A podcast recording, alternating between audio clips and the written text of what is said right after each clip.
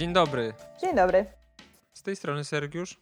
I Natalia. Słuchacie waszego ulubionego podcastu Comicsmeni.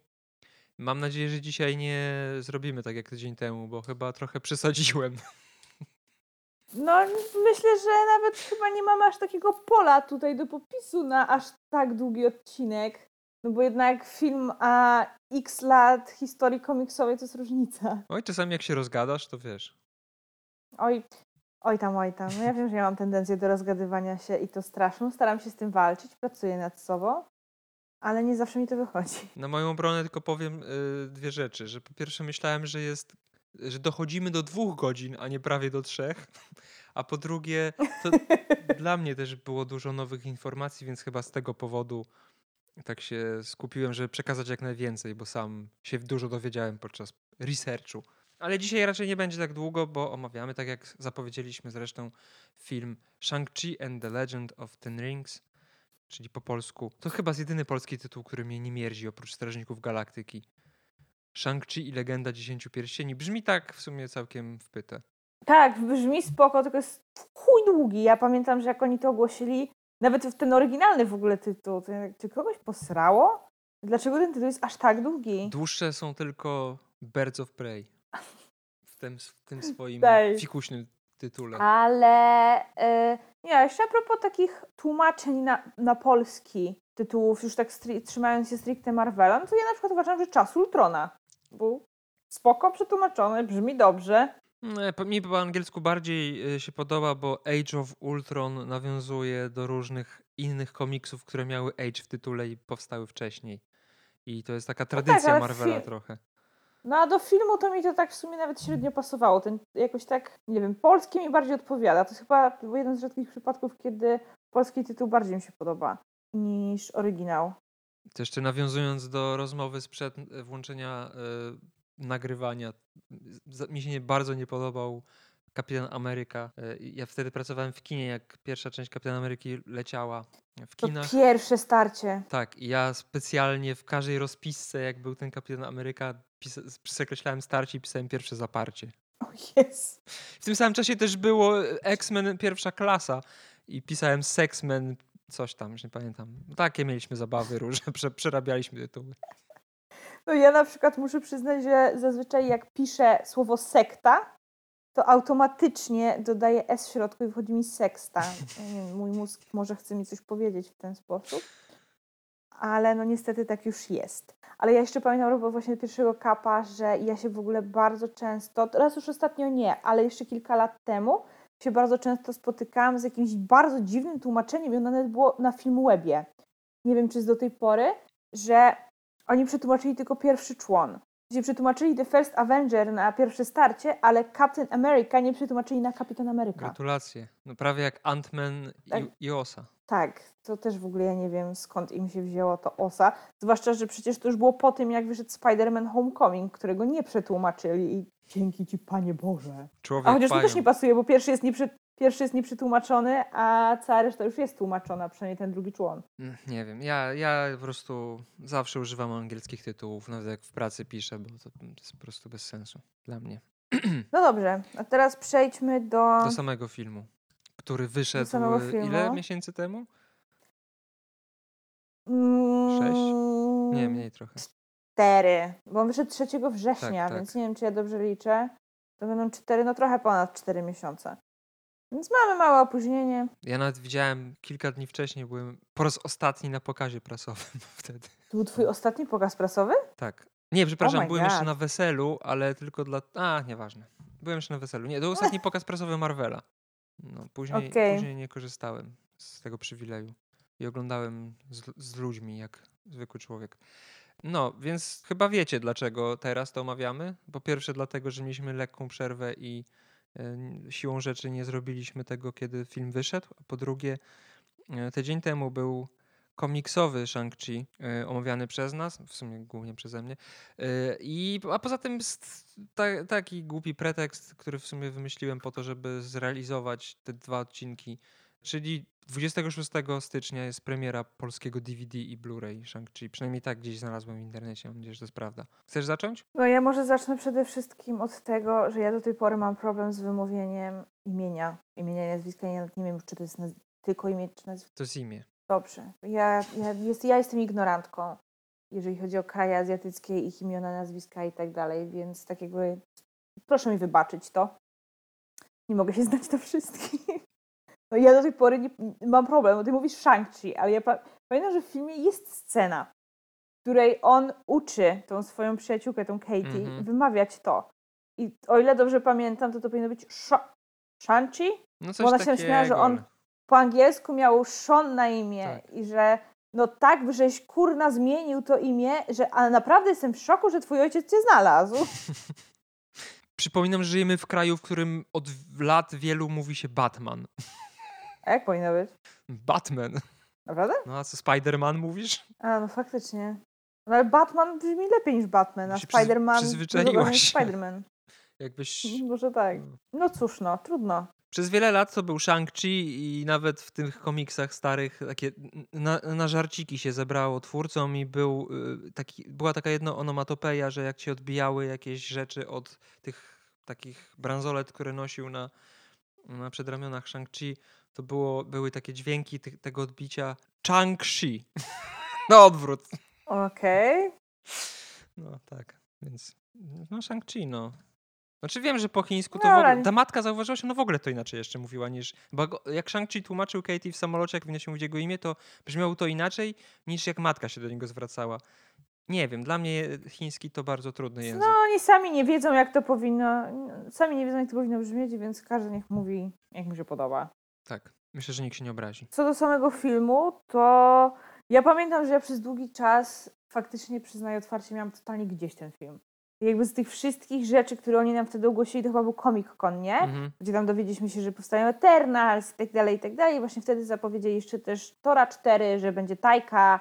Znowu tworzył Tora. Pamiętam, Boże, ja aż podskoczyłam na łóżku, jak się o tym dowiedziałam. No i No i Blade. że Natalie Portman. Tak, no i ten właśnie to super wejście Blade'a podczas tego Comic-Conu. No to było super. I tak jakby chyba w natłoku tego wszystkiego i tego, że będą te seriale, tak, że Bucky i sam dostają swój serial, że Wanda i Vision będą mieli swój serial, e, który wtedy chyba zapowiedzia- zapowiadano jako bardziej komedię romantyczną. Mhm. Czy coś w ten, czy coś w ten deseń. Mm, no to wyszła im kurna. No, no i w tym wszystkim ten Shanji to mnie jakoś tak totalnie, totalnie mnie nie obchodził. I nawet już jak się dowiedzieliśmy mniej więcej, kiedy te filmy będą wychodzić, tak już mogła, można sobie było poustawiać, tak, w którym roku, które produkcje wychodzą i tak, na które będziemy najbardziej czekać, no to ja chyba z tych wszystkich produkcji w tym roku, no czy w tym, przepraszam, w ubiegłym, mamy 2022 Natalia. W ciągu ostatnich 12 miesięcy w każdym razie. Dokładnie, no to w sumie on mnie no, najmniej obchodził z tego wszystkiego. No może ewentualnie jeszcze What If, czy tam Hawkeye, bo to też mnie tak średnio tam... Podejrzewam, że nie byłaś sama, bo chyba większość ludzi trochę miało ten film w dupie z tego powodu, że Shang-Chi nie jest jakąś super popularną postacią. I mimo tego, że ja też byłem trochę nastawiony tak jak ty, e, to miałem taką nadzieję, że to będzie trochę przypadek Strażników Galaktyki, bo to też była taka mało znana grupa w tamtym czasie. I w sumie tylko jeden komiks, tak na dobrą sprawę, który się ukazał kilka lat przed premierą filmu, sprawił, że Strażnicy Galaktyki jakikolwiek rozgłos wśród fanów komiksów zyskali, e, więc miałem po prostu, łudziłem się, że to znowu będzie takie fajne zaskoczenie, nie? Bo zawsze jak masz do czynienia z jakimiś adaptacjami znanych No. postaci, to masz większe oczekiwania niż później ten film może ci dać.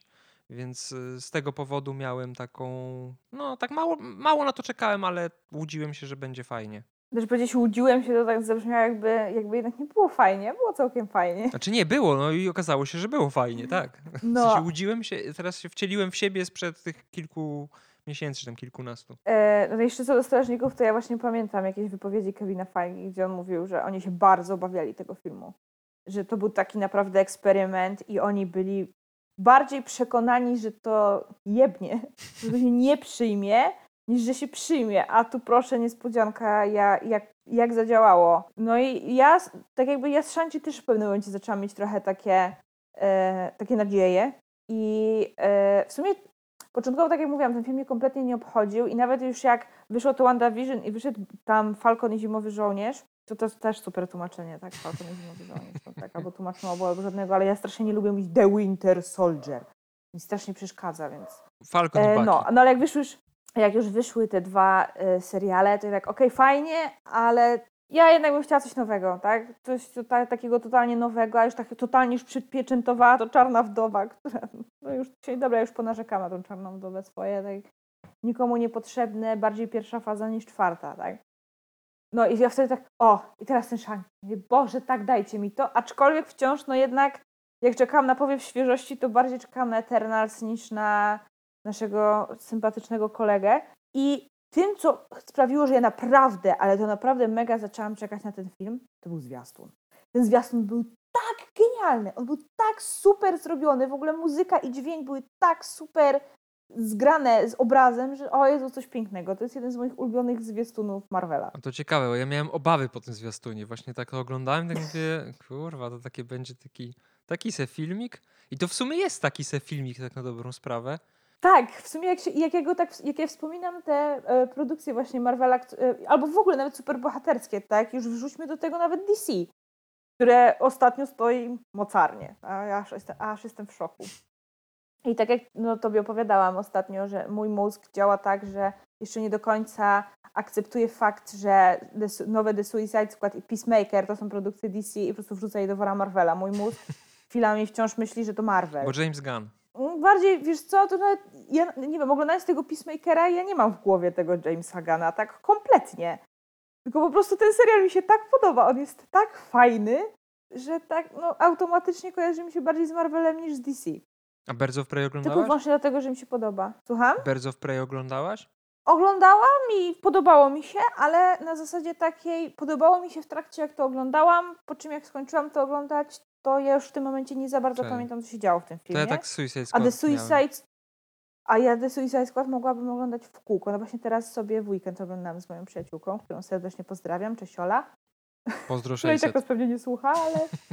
No, ale no, mówię, no bo muszę ci pokazać, bo jest tak świetny ten film, no tak wspaniały, no, cudowny jest. No i Peacemaker naprawdę trzyma, trzyma poziom, jest, jest elegancko, więc polecam, mimo że tak jakby jesteśmy tutaj my ze stajni Marvela, więc powinnam gardzić DC. Co to za No ale już jakieś, nie umiem. jakieś dziwne stereotypy? Utarło się przecież, tak, że pani Marvela mają gardzić DC. Ja przez długi czas tak robiłam, ale nie tylko. To nie było tak na zasadzie takiej, że bo jestem fanką Marvela, więc założenia gardzę DC. Tylko po prostu ich produkcje mi się kurwa nie podobają. No, Zazwyczaj No to ja tak nie samo. Ja podobały. gardzę, bo, są, bo te filmy w większości są chujowe. Dokładnie. No, ale wracając do tematu. Yy, o czym to my mówiliśmy? A, o zwiastunie. Tak, to by się bardzo podobał. Tak, no zajebiście mi się A podobał ten mi- zwiastun. Średnio się podobał. Był taki dla mnie, no taki zwiastun jak to zwiastun. Ani nic ciekawego, ani nic szczególnie chujowego, ale nie było tam jaki, jakichś takich rzeczy, które by mnie jakoś specjalnie zainteresowały. I wtedy miałem pierwsze obawy, że to jednak będzie taki trochę zapychacz jak Ant-Man 2. Mhm. Że taki, no fajnie, fajnie, wprowadzają po prostu nową postać, jakby trochę na fali Black Panthera. Yy, teraz Bo chcą trochę pójść w W sumie trochę tak inną tak wyszło. zwaną mniejszość. Tak moim zdaniem. Znaczy że tak, no tak. To był Też tak taki uważam. film, który okej, fajnie, bo wprowadził nam azjatyckiego superbohatera.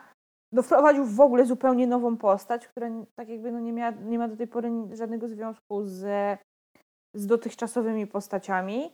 I w zasadzie taki fajny film. Można się było pośmiać, można sobie było obejrzeć, ale nie miałam tak, że wiesz, wyszłam z kina i miałam jakąś taką Bóg jak wielką ekscytację, czy miałam wielką ochotę wrócić do tego filmu. On wniósł coś nowego, ale w sensie nie z takim pierdolnięciem, jak na przykład właśnie kiedyś Strażnicy Galaktyki. Mhm. Na zasadzie takiej, że okej, jest nowe, fajnie się zadomowiło i that's it. Ale mimo wszystko jednak ten film jest tak sympatycznie zrobiony, to nie brzmi logicznie, tak? Ale właśnie jest taki ciepły, fajny, lekki, sympatyczny film, który... Miło się ogląda, nie tak, nudzi miło, się. miło się go ogląda, fajnie się go wspomina, może nie na tyle, żeby faktycznie chcieć jeszcze raz go sobie tam obejrzeć, czy kilkanaście, czy kilkadziesiąt, jak ja potrafię robić z niektórymi filmami superhero, ale na zasadzie ciepło go wspominam, broń Boże nie wrzuciłabym go do mojego top 10 filmów superbohaterskich, ale na pewno nie zaliczyłabym go do tych takich słabszych, tak? W sensie myślę, że on jest przynajmniej lepszy niż połowa filmów Marvela do tej pory. Mhm, pod, mam podobne e, wrażenia. Znaczy, właśnie fajnie, że ten zwiastun na mnie tak negatywnie zadziałał, bo dzięki temu na filmie się zaskoczyłem pozytywnie i, Mhm. i podobnie mam jak ty. No, nie jest to jakieś wybitne dzieło, ale ogólnie wszystko, to co miało spełnić, to spełniło. No ja przede wszystkim jestem zachwycona aktorem, który gra głównego bohatera, bo nie dość, że naprawdę fajnie go zagrał, sprawił, że w zasadzie to wciąż niewiele wiemy o tej postaci, w sensie tak jakby, okej, znamy fakty z jego życia, znamy jego origin story, ale chodzi mi bardziej już taką, wiesz, tak liznęliśmy. Nie była ona za bardzo rozbudo, rozbudowana w tym filmie. Liznęliśmy go Było tak trochę, dużo wątków, tak, że... więc liznęliśmy go trochę, można powiedzieć, że dobra, kojarzę tego ziomka, ale nie mogę powiedzieć, że znam go i jestem w stanie napisać elaborat o jego osobowości, jak na przykład byłabym w stanie zrobić z nawet Antmanem, tak, Mhm. który no, nie jest głównym graczem w Marvelu, ale gdzieś tam się już przewija ta postać i została już na tyle rozbudowana, że no, gdzieś tam ją znamy, ale tutaj zostało to właśnie zrobione na zasadzie, że tak li- liznęliśmy tą postać, że oni ją tak wprowadzili i to zrobili to w taki sposób, że ja naprawdę czekam. Ja czekam, żeby Mhm. go lepiej poznać, żeby więcej go zobaczyć. Ja już się nie mogę doczekać, aż on i Katie wrócą, bo są wspaniali. I ak- aktorzy właśnie... To mam pytanie, które mnie nurtuje od Mhm. dłuższego czasu. Jak się wymawia tą ksywka, czy to jest imię tej aktorki? To jest chyba jakiś pseudonim. Tak, to jest jakąś raperką, nie? To jest chyba właśnie, ja tak, też to tak rozumiałam, że to jest taki właśnie pseudonim artystyczny. Jak to się wymawia? Aquafina? Nie Czy ja mam ignorować, czy ja mam ignorować pierwsze W? Bo ja zazwyczaj mówię tak. akwawina, ale nie wiem. Jeżeli ktoś z naszych słuchaczy wie, jak prawidłowo się wymawia, to błagam, błagam, powiedzcie mi, bo ja nawet w internecie nic takiego nie znalazłam. No bardzo bym chciała wiedzieć. No i oni fajnie, tak fajnie zagrali te postacie, że to są takie trochę nowe, stare, że to nie, jest, to nie są jakieś takie, to nie są bohaterowie, których o, do tej pory nie było, w, czegoś takiego nie było do tej pory w Marvelu, jak na przykład masz z Eternals. Tylko na Mhm. zasadzie, okej, jest fajnie, jesteście fajni i to są w sumie, on, oni akurat te postacie we dwie, dwójka głównych bohaterów, to muszę przyznać, oni są u mnie w czołówce postaci Marvela, z którymi chciałabym się kumplować. Chętnie poszłabym z nimi na piwko i, do, i na karaoke, pośpiewać Hotel California. Nie da się ich nie lubić, to, to na pewno. Chociaż dla mnie najlepszym aktorem w całym tym filmie był jednak y, pan, który grał Tatusia. Mhm. Tatusia. Uważam, że to w ogóle była najlepsza postać, jeśli chodzi Tak, o No przede wszystkim był na, zarysowanie charakterologiczne i w ogóle samą grą, grę aktorską. tak, to był naprawdę dobry złoczyńca. No i oczywiście, jak zwykle, Ben Kingsley to, to jest coś wspaniałego. Trevor Slattery to jest moja ulubiona postać z Ironmana, w sensie z, z serii. Bo on chyba się we wszystkich częściach pojawia, czy nie? Czy Ja w w jednej się pojawił. A nie było wcześniej takich nagrań tego tajemniczego mandarina gdzieś tam? Wiesz co, w sumie możliwe, no bo, już. Bo możliwe, że w jedynce. No bo ten Rings jakby jest od samego początku, nie? I tam jakieś były takie filmiki puszczane światu. Ja nie pamiętam właśnie, czy to było tylko w trójce, czy to już było wcześniej. Wiesz co, istnieje spora szansa, że w jedynce. Na, na Okej. jakoś w tych początkach czy coś, ale powiem ci, no nie pamiętam, bo ja nie jestem fanką Ironmanów, więc ja nie wracałam sobie do nich nigdy. Mm. E, Także jego akurat zapamiętałam, bo podobał mi się ten plot twist. To była chyba jedyna rzecz w Iron- Ironmanie 3, która mi się podobała. Tak. Ten Która plot rozwścieczyła bardzo wielu fanów Tak. Ironmana komiksowego. tak, Mi że, te, a mnie bardzo za, za, że, to, zadowoliło. że to taki fake. I tak mi właśnie bardzo mi się podobało, jak oni to wykorzystali, że ta postać po prostu była taka śmieszna i ten jego, ten jego stworek, jak on się nazywał, bo nie pamiętam, Morris. który miał dupę zamiast twarzy. On nie miał w ogóle twarzy. Tak, my w pracy mówiliśmy na niego dupoń. Ale był cudowny, był uroczy. W ogóle Marvel umie w takie, takie stworzonka fajne. Znaczy, nie wiem czy wiesz, ale ten potworek istnieje w e, chińskiej mitologii. Ja nie pamiętam jak się nazywa to stworzenie, ale e, pamiętam, że pierwszy raz w ogóle, bo w zwiastunie chyba się nie pojawia, nie? Żeby nie psuć Nie, tak, ja, ja sobie nie przypominam go ze zwiastunów, a ja te, opa, bo tam chyba były dwa zwiastuny takie główne. Ja te zwiastuny oglądałam często, bo e, latem często chodziłam do kina, a on po prostu leciał non-stop, nawet y, przy każdym Mhm. pokazie prasowym. Plus ja go sobie w domu też lubiłam puszczać, bo mówię, bardzo mi się, bardzo mi się to podobało. A oglądając film, to byłam bardzo zaskoczona, jak się dupoń pojawił na ekranie, więc raczej małe prawdopodobieństwo, że był w zwiastunach. Chyba, że mi po prostu umknął jakimś cudem. Ja pamiętam, że pierwszy raz zobaczyłem to stworzonko, e, kiedy wypuścili figurki Marvel Legends, a oni to zrobili e, wcześniej, przed filmem, bo mieli jakby w planach, e, w harmonogramie to ustalone pod premierę, która miała być, gdyby nie było pandemii. Mhm. I wypuścili to zanim film w ogóle trafił do kin i jakieś tam pierwsze przecieki tych figurek się pojawiły kilka miesięcy przed premierą filmu i była figur, figurka Katie właśnie z, z Morrisem i jak to zobaczyłem, nie wiedziałem co to kurwa jest. Ale zacząłem, zacząłem googlować i udało mi się znaleźć te, tego stworka właśnie gdzieś na jakiejś dziwnej, y, dziwnej stronie takiej encyklopedii chińskiej mitologii. Znaczy w ogóle dużo tych stworzonek, które się pojawiają w tym filmie są przecież żywcem tak, tak. wyciągnięte z mitologii. Mhm. I to też jest piękne. zajebiste. w ogóle te stworzonka są piękne. Ten, ten smok na sam koniec był piękny. Fajny jest wizualnie ten film. I on jest właśnie taki tak. inny jednak wizualnie. On tak chwilami mi nawet przypominał trochę bajkę Disneya, tylko w takim pozytywnym mm -hmm. sensie. Także to jest, to jest zaleta tego filmu, to jest komplement z mojej strony. Taki miał właśnie taki bajkowy, baśniowy klimat, yy, już tam zwłaszcza pod koniec. Tytuł idealnie pasuje do tego filmu właśnie, bo on jest taką bajką tak naprawdę. Tylko taką fajnie zrobioną, bo właśnie -hmm. ten film no, nie jest absurdalny ani nic w tym stylu, nie jest totalnie bajką, ale nie jest też taki bardzo mocno na poważnie. Nie masz takiego spięcia pośladów tutaj. Tylko mhm. tak jest tak właśnie lekko poprowadzony i to jest i moim zdaniem to jest chyba jego największa zaleta, przez co on tak dobrze nam siadł wszystkim. Znaczy no, wszystkim, tak zakładam, tak, bo jednak on jest dosyć wysoko oceniany. No w większości, bo jednak miał dość dobre wyniki, jeżeli chodzi o oceny, jeżeli chodzi o zarobki, więc większość jest zadowolona. Znaczy, no też największym plusem według mnie jest to, że w końcu nie ma, głównym bohaterem nie jest biały koleś. No to jest trochę pojebane, że tak naprawdę przed Black Pantherem kogo mieliśmy? Falcona, tak? I Nika Fiurego. I to byli czarnoskórzy tak, tylko, że bohaterowie? W zasadzie, prze, w zasadzie przed, yy, tym, przed Black Pantherem to Falcon to się ile razy? Raz pojawił? Bo Black Panther zadebiutował w Civil War. A tak. no Falcon, a przepraszam, tak, Falcon był w Zimowym Żołnierzu i był w jednej kurna scenie w czasie Ultrona. No właśnie. Więc jakby w końcu ta e, różnorodność jakaś się pojawia, co jest fajne. Mnie to, mnie to też cieszy, że w tym filmie oprócz tego wykorzystania kultury Chin, w sensie właśnie tej, tej mitologii, różne tam są też przecież zwyczaje pokazane w jakiś tam sposób, e, to jeszcze jest zajebiste to, że oni mówią po chińsku. To jest wpyte, bo nie ma nic bardziej wkurwiającego dla mnie, jak jest film, tak jak było z, House of Gucci. To mnie tak wkurwiło od początku. Jak ci kurwa amerykańscy aktorzy zaczęli gadać z włoskim akcentem po angielsku. Wiesz? Mnie też to kiedyś ja pierdolę, strasznie mierziło. Kiedyś mnie to strasznie mierziło. Ja pamiętam, że yy, powtarzałam często, że jedynym, jedynym moim zarzutem wobec listy Schindlera jest fakt, że oni mówią w tym filmie po angielsku.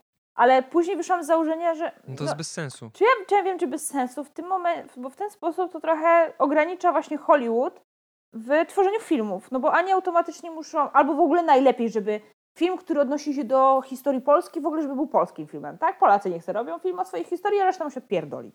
Albo na zasadzie, okej, okay, niech sobie Hollywood kręci film, tak, nie wiem, rzućmy o Stalinie. No i tutaj muszą zatrudnić stricte tylko i wyłącznie rosyjskich aktorów. To dość mocno ogranicza i więc ja uważam, że jednak trzeba brać na to trochę poprawkę i ja to jednak zaczęłam po prostu rozumieć, dlaczego okej, okay, oni gadają po angielsku i tam kaleczą te akcenty i tak dalej, żeby dodać cokolwiek, w ogóle jakiegokolwiek klimatu danej produkcji, no jak film się dzieje we Włoszech, a ktoś ci gada z brytyjskim, na to akcentem, no to trochę słabo. Ale już mnie to, przestało mi to przeszkadzać. Nie wiem, ja szanuję, jedyne za co szanuję pasję to za to, że, że jest po aramejsku, to jest, to mi się bardzo podobało w tym filmie. Bo wiesz, z drugiej strony są tacy, którzy na siłę chcą, tak? I na przykład masz X-Men Apocalypse, gdzie akcja się dzieje w Pruszkowie, więc Michael Fassbender zasuwa po polsku i ja naprawdę wolałabym, żeby mówił po angielsku. Nie, no tak, tak. No są takie sytuacje, że faktycznie.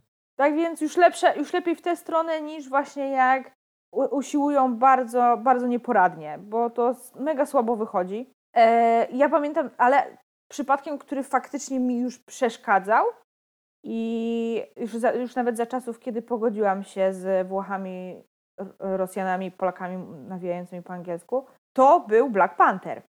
Ja pamiętam, że w, w Civil War mi się bardzo podobało to, że właśnie ta czala ma ten swój, taki, on miał fajny ten akcent że A, Wakanda no. ma swój własny język. I to zostało bardzo mhm. nakreślone. I mnie w tym momencie zaczęło zastanawiać, że skoro to właśnie nie ma takiej sytuacji, tak, że tak jakby mamy film hollywoodzki, który jest, a opowiada o II wojnie światowej, o, nie wiem, o obozach koncentracyjnych. Tylko tutaj mamy już stricte język, który oni sami wymyślili i kulturę, którą oni sami wymyślili. I, i co, przepraszam, nagle, skoro akcja Black Panthera dzieje się w Wakandzie, to oni będą cały czas napierdzielać w tym języku? I no tak trzeba no było to- zrobić, bo mi przeszkadzało No, już to, że oni nagle znaczy, no wiem o co ci chodzi, niekonsekwentne to jest. Ja właśnie przez to byłem przekonany, że w Shang-Chi też tak jest, że tam są cztery czy trzy, trzy sceny na początku po chińsku, a później i trafiają do tej wioski magicznej i tam wszyscy mówią po angielsku. Ale wczoraj jak sobie powtarzałem ten film, się okazało, że tak nie jest, że oni tam bardzo dużo mówią po chińsku i to, jest, to mi się bardzo podobało. Czy no to widać, że chyba po prostu, bo ja pamiętam, że dużo osób w sumie narzekało na, na tego Black Panthera, tak, że jak sobie ten, ro, y, y, a on jest agentem ten Ross, czy kim on tam jest, no ten Hobbit, Tak, jakimś agentem CIA czy tam. że jak on się pojawił w tej Wakandzie, to on chyba spoza Mbaku to nie miał za bardzo żadnego problemu w dogadaniu się ze wszystkimi. I e, pamiętam właśnie, że no ludzie się czepiali, chociaż w sumie no ludzie potrafią się przyczepić o wszystko, tak? Ludzie się czepiali i może fa- faktycznie wyciągnęli z tego lekcję, że okej, skoro już wprowadzamy azjatyckiego superbohatera, to pokażmy, że nie robimy tego tylko po to, żeby on miał twarz azjatycką, a cała reszta będzie tak jakby, jakby to Mhm. był drugi, nie wiem, Tony Stark, tak? Drugi biały amerykański mężczyzna. Więc to faktycznie okej, tylko właśnie się zastanawiam, na ile to było, że o, faktycznie chcieli to zrobić, żeby to fajnie wyszło, a na ile, a żeby się do nas nie przyjebali. Ja myśl, właśnie myślałem, że to jest taka, żeby się nie przejebali, zaliczyliśmy tam 10 minut na początku po chińsku, później robimy po angielsku, ale ja myślę, że to z Black Matterem było tak, że oni by faktycznie musieli tworzyć język, którego nie ma, aktorzy musieliby się tego uczyć, to był, był jakiś bełkot, ciężko jest się w, w, wczuć w rolę, jak nie wiesz, co tak naprawdę postać mówi, a to byli po prostu Chińczycy, czy aktorzy pochodzenia chińskiego. Przepraszam, w grze o Tron sobie, w grze o Tron doskonale sobie z tym dawali radę. No tak, no ale ile tych scen było? No nie ma odcinka, Jason, który no, cały Ja- jest Jason, po... Jason Momoa, ja nie wiem, czy on w ogóle cokolwiek powiedział. A, przepraszam, powiedział no po angielsku. To jest jedyne, No dobra, chyba, no co on ale powiedział to, po było, angielsku. to były pojedyncze sceny, no. To nie było tak, że No masz nie, cały serial pojedyncze. w nieistniejącym języku. No to byłoby też ciężkie do oglądania. Ja tam bardzo lubiłam te fikcyjne języki. Bo co innego jest, kiedy trafiasz do konkretnej grupy, w tym przypadku Chińczyków, którzy mogą sobie to bez napisów oglądać, a co innego, jak tworzysz język bazujący na językach afrykańskich, którego nikt nie rozumie, bo on nie istnieje. Nie no, ja to rozumiem. Tak Więc jest to czaję. usprawiedliwione, że gdyby, pewnie gdyby to nie była Wakanda, tylko nie wiem, Nigeria, no to pewnie by zrobili, mam nadzieję, to zrobiliby to w języku nigeryjskim. No. Mam nadzieję, że jest taki język. Może. Nie, nie okazałem się właśnie ignorantem. Właśnie to sprawdzam. Chyba nie ma. No to, to jestem ignorantem. No, więc to było wpyte. W ogóle cała historia była wpyte, no. A jeszcze nawiązując do tego, co mówiłaś wcześniej, o tym, że Shang-Chi w sumie jest, jest tak, tak lekko zarysowany tylko, to ja myślę, że też to wynika z tego, że oni sami do końca jeszcze nie wiedzą, w którą stronę ta postać ma iść, no bo to nie jest taki przypadek jak na przykład Kapitan Ameryka, czy Iron Man, czy Spider-Man, że przynajmniej część widzów tą postać zna, nawet jeżeli nie w tym świecie, to w innym i ta, ta postać bazuje silnie na tym, co przez te lata było w, komi- było w komiksach, nie? Tutaj odeszli praktycznie całkowicie od oryginału komiksowego. Pojawiają się tylko jakieś drobne elementy nawiązujące do tego, co było w komiksach. I w tym momencie Marvel Comics buduje tą postać od początku, posiłkując się tym, co było pokazane w filmie. Zresztą mówiliśmy o tym tydzień temu. Więc ja myślę, że też z tego powodu tak to wygląda, bo oni sami do końca nie wiedzą, może, nie wiem, może wiedzą, może są tak zajebiści, że mają wszystko zaplanowane na kolejne 10 lat. Ja właśnie jestem osobą, która tak uważa. Ja myślę, że jednak mimo wszystko są jakieś takie. Może, tak, może trzon jest tak zarysowany, ale szczegóły jednak e, muszą być płynne. Zresztą śmierć Chadwicka Bosmana pokazała, że nie można być przygotowanym na wszystko. Więc musieli zmieniać scenariusz Black Panthera 2. Do tej pory pamiętam mój szok. No, ale coś miałam, coś miałam. Nie w ogóle teraz zaczęło tak zastanawiać, jak tak rozmawiamy, że właśnie tak no, wprowadzali nam w tej czwartej fazie dość sporo już tych e, nowych postaci. I teraz się tak zastanawiam, jak oni to połączą. No bo przecież jak się zaczynało, zaczyna się Infinity Saga, no to faktycznie dostaliśmy tam tych trzech bohaterów, każdy z nich miał swój film, przepraszam, czterech, bo tak powstał film o Hulku, niestety. I później ich walili razem do jednego filmu, a reszta to było na zasadzie poza strażnikami, którzy sobie przez jakiś czas tam dryfowali z boku. To później to było na zasadzie takiej po prostu dokładania kolejnych elementów już do jednej takiej masy konkretnej. I tutaj się Black Panther najpierw pojawił Civil War, tak samo Spidey. Tutaj, okej, okay, Doctor Strange miał swój film on tak jakby z miejsca wleciał do Infinity War. A tutaj oni tak wprowadzają trochę tak z dupy.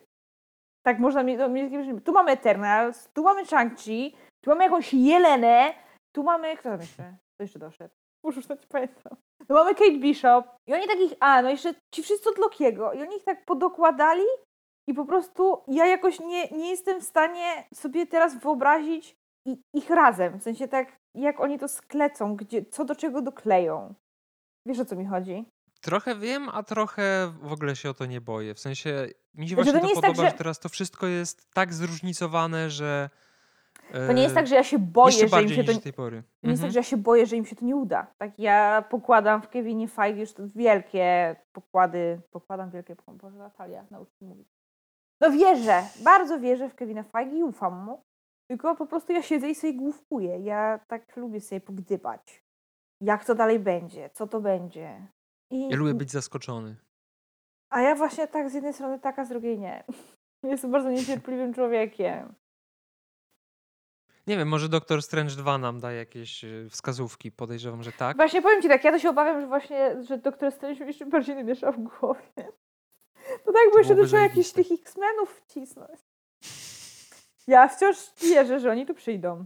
Może tak być niestety. Ja bym wolał nie. Znaczy, jeżeli to będzie na zasadzie tego, co było w Spider-Manie trzecim, to ok, ale jeżeli oni chcą na stałe jakby wprowadzić, połączyć te uniwersum, to się wtedy nie licho w kurwie to ja. Znaczy, ja nie chcę, wiesz, całości, ja nie chcę, żeby oni wszyscy, wiesz, tak jak były te wszystkie dotychczasowe filmy o X-Menach, żeby oni je wpierniczyli do Marvela teraz wszystko i tak dalej. Nie.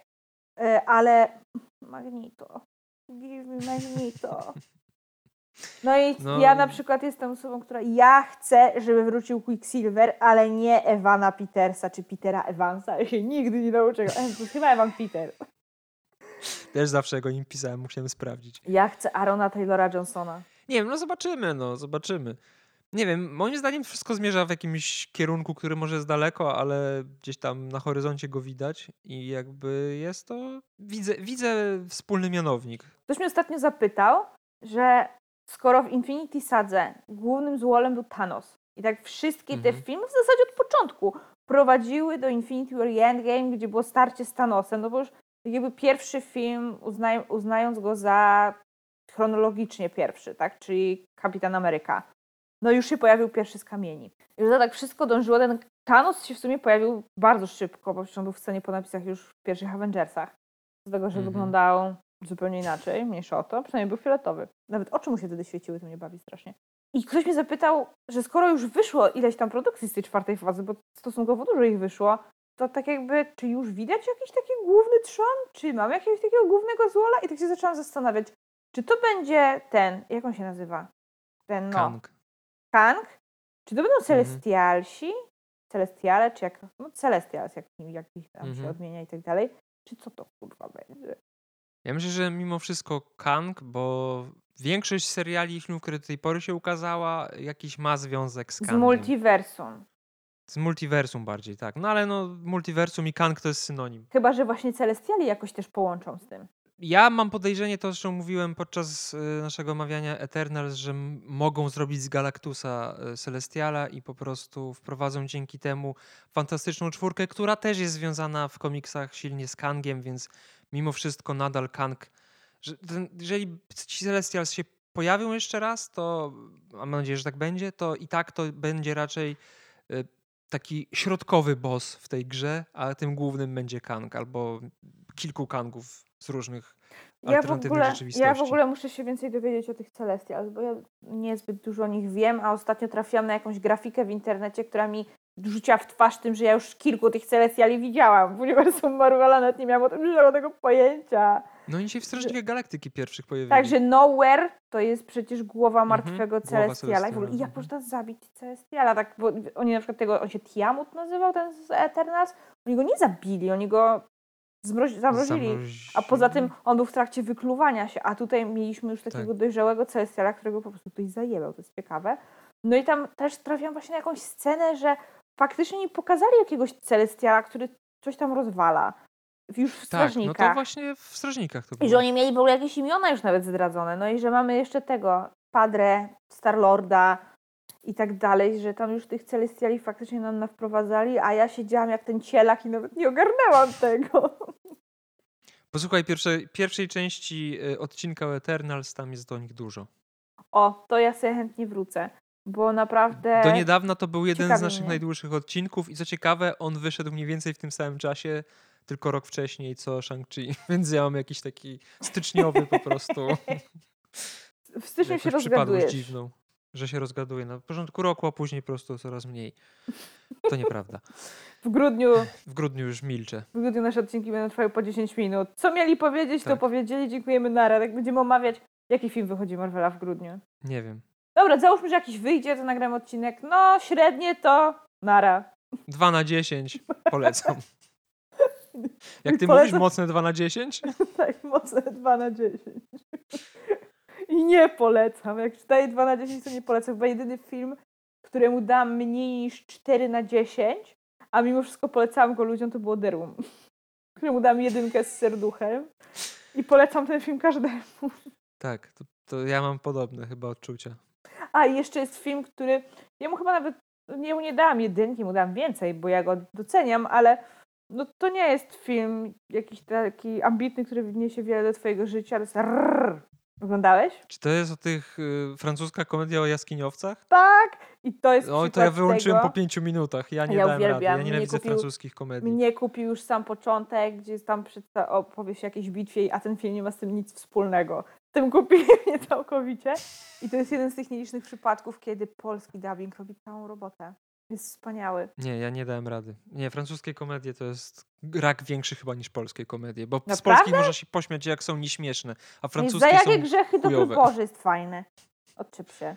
Coś mi to mówi. No o rodzince takiej bardzo konserwatywnej, która miała cztery córki, każda wyszła, jedna wyszła za muzułmanina, jedna za Żyda, jedna za A, dobra, dobra, dobra, pamiętam. Pierwsza No ale one wszystkie zawsze są takie, one są takie same. To, No mnie strasznie wkurwia. One wszystkie Dobra. bazują na jednym schemacie. Dobra, bo od jakimś cudem o Shang-Chi przyszliśmy do... Tak, przeszliśmy do francuskich komedii. E, Nawiązując jeszcze do tego, co mówiłaś o tym y, kierunku, w którym zmierza czwarta faza, to no, Shang-Chi nie wiem, czy, czy widzisz jakieś związki z multiversum oprócz... Znaczy, no, widać je w sumie wyraźnie. Jest ta brama do innego wymiaru, jest inny wymiar, który tą bramę posiada. No przede wszystkim, nigdy nie pamiętam, czy to jest scena po napisach, czy to jest końcówka filmu, ale to jest chyba scena po napisach. Te, te pierścienie, chciałam już powiedzieć kamienie, jest przyzwyczajenie, że te pierścienie, że one będą, odegrają jakąś istotną rolę. No to to na pewno, ale to nie wiem, czy to będzie akurat miało związek z multiversum, czy raczej z czymś innym, na co wielu fanów komiksów liczy od dawna, ale to później w sumie o tym powiemy przy i różnych easter eggach, mimo tego, że teraz do tych trochę easter eggów, w sensie wybiegnę trochę z tym tematem, o którym e, tutaj chcę wspomnieć. E, Ten potwór na końcu, Dweller in Darkness, w oryginale nazywający się, który wygląda jak, jak, jak jakaś, jakiś mroczny smok, Pró- próbuję sobie przypomnieć, który jest za tymi drzwiami.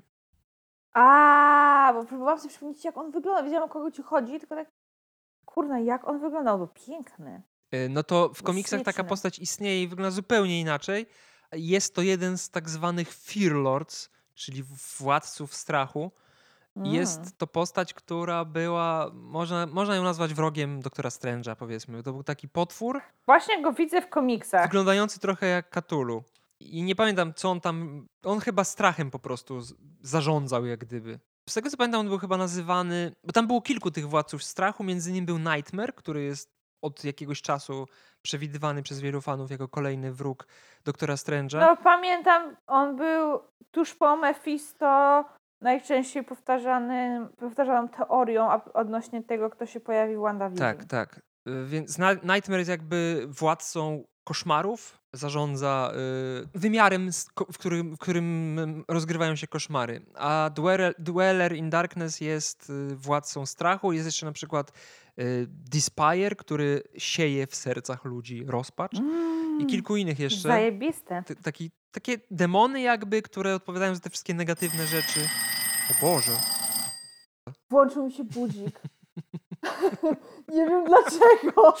Ja myślałem, że ktoś tak przyszedł i tak napierdalał w szklankę tą łyżeczką. Jezu, ale ja się przestraszyłam. Widzisz? Dweller in Darkness. y, się odezwał. Ale właśnie też, ty wiesz, mówisz to o takich creepy rzeczach i nagle mi tu coś zaczyna drzeć mordę w pokoju.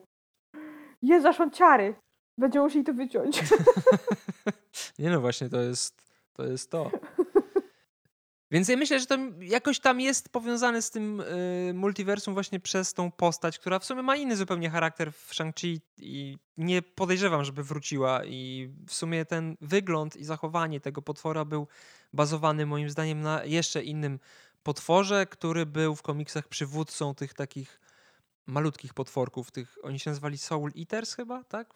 Mm, fajna nazwa. Tych, które, które wysysały, wysysały duszę i przekazywały temu głównemu to one w komiksach też się pojawiają i był taki jakby ich szef, który był taką większą wersją ich. I właśnie Dweller in Darkness z filmu wygląda trochę jak ten potwór, którego imienia nie pamiętam, bo było jakieś kurwa fikuśne bardzo, yy, który był w komiksach. Więc gdzieś tam powiązanie takie z Doktorem Strange'em widzę, tym bardziej, że wiemy już, że się pojawi e, Shumagora w, w Doktorze Strange'u 2, który jest podobnym potworem, podobnym takim Lovecraftowskim stworem z innego wymiaru, który ma jakieś demoniczne konotacje. Wszystkie w sumie oprócz Black Widow filmy i seriale, no i Hokaja, oprócz tych przyziemnych, mają powiązanie silne z multiversum i myślę, że to jest, że Kang to jest odpowiedź na twoje pytanie zadane Czy ja 20 też, minut temu. Też tak czułam, tak żem czuła, że tu Kang jest odpowiedzią, yy, ale jednak ci Eterna... Eternacje, no, Celestiale jakoś mi tam gdzieś tu. Może to jest kwestia tego, że oni mi po prostu bardzo ciekawią. Tak interesują mnie i ja się muszę o nich wiedzieć, więcej dowiedzieć. E, więc posłucham sobie ciebie i Konrada. Zapraszamy. No, ale. No, no dobra, a inne postacie? Jestem. Z tego filmu? No, siostra na przykład Shang-Li, która nazywa. Shang-Li, Shang-Chi, która nazywa się. Li. Xiu Xialing. Nie, Li to jest mama. Li to jest mama. Ja mam problem straszny z ich imionami i ja strasznie tak, tego tak. nie lubię. To jest mama, ja też, ja też. Ja jak lubię. coś oglądam, ja na przykład jak zaczynam grę o Tron, to myślałam, że mnie szlak trafi, bo tam było nagle tyle tych postaci i tyle tych imion i tyle tych nazw. I ja nie mogłam tego zapamiętać, a ja strasznie nie lubię nie pamiętać imion postaci. I mhm. tak jak dlatego w Marvelu ja zazwyczaj pamiętam imiona i nazwiska po prostu takich totalnie randomowych bohaterów, a tutaj no jest trudno. No, siostrę lubiłam. Siostra mi się podobała jako postać, aczkolwiek ja mam jakieś takie mieszane uczucia w kwestii zakończenia. No właśnie, jak interpretować to? Czy ona po prostu sobie zrobiła lepszą wersję tego, co miała w, w tym mieście? Co to było za miasto? Makau? Nie pamiętam. Czy to jest po prostu upgrade? Ja to odebrałam, kurna, na zasadzie, że ona w ogóle zajęła miejsce starego, i to nie na zasadzie. No właśnie, to czy, właśnie czy nie, zostanie wiesz, złoczyńczynią. Tak, i to nie na zasadzie takiej, że o, tak jakby przejmę imperium starego, ale tak jakby, nie wiem, masz kurna gangstera, który nagle stwierdza, że będzie działał legalnie, tak? Mhm. Yy, ten, no, Michael Corlo Corleone obiecał swojej kobicie, że za x lat jego wszystkie działalności będą legalne. Oczywiście nie zrobił. I to nie jest, to ja tego nie odebrałam, że to jest na takiej zasadzie, że ta scena ma taki wydźwięk, że ona, ha, teraz będę jeszcze gorszą wersją mojego starego. Tak spadliście z deszczu pod rynnę. No ja właśnie nie wiem. Tylko, że mówię, to są takie, ja to tak odebrałam i nie jestem do końca pewna, czy faktycznie dobrze to odebrałam. Więc jestem taka lekko confused. Ja też. I bardzo mnie to ciekawi, ale mam takie mieszane uczucia. Nie jestem jakaś podekscytowana tym, bo tak trochę trochę mnie to mierzi, trochę się, trochę się obawiam, że to pójdzie nie w tą stronę, w którą bym chciała, żeby poszło, bo ta siostra... Że to będzie kolejna historia o złym i dobrym rodzeństwie, w sensie tak, o i, złym bracie. Tak, i laska, która ma po prostu daddy issues, Loki. tak, bo ona ma daddy issues, mm -hmm. to mhm. fakt, ale te daddy issues można byłoby fajnie ograć i ona naprawdę, ona jest tak fajną postacią w tym filmie. Jest taką z krwi i kości, a nie kolejna baba do kompletu, tak? Y, że taka typ, o, siostra głównego bohatera, tylko ona faktycznie jest postacią z krwi i kości i autentycznie ją polubiłam i bardzo mnie ciekawił jej wątek i boję się, nie chcę, żeby mi ją spieprzyli po prostu. Ja myślę, że może to być ciekawe, bo nie wiem, czy to nie będzie trochę bazowanie na tym, co było, w, co jest w ostatnich komiksach, czyli tu się trochę rola odwróci i to właśnie Xialing będzie y, stała na czele organizacji swojego ojca po to, żeby, może ona nie będzie super dobrą organizacją, ale jakby będzie działała w zupełnie innych, na innych polach niż, niż ojciec. Taki e, gangster, którego lata. się jednak lubi. Tak, ja myślę, że ona może pomagać e, Shang-Chi, ale robić to w sposób nie do końca akceptowany przez superbohaterów. Jak na przykład, typowych. no czyli tak jak taki trochę case Punisher, Peacemaker i tak dalej. W sensie, Trochę coś w tym stylu. Mam nadzieję przynajmniej, że tak to będzie wyglądać. no chcę niby dobrze, chcę niby dobrze, ale Ale robi to w mało moralny sposób. o Punisherze trudno powiedzieć, przynajmniej tym e, ekranowym, także on chce dobrze. No to nawet ten Peace- Peacemaker, on faktycznie chce dobrze i on myśli, że robi dobrze, ale no jednak sposób, w jaki to robi, pozostawia wiele do życzenia. I takie postacie są fajne, jeżeli to jest dobrze poprowadzone.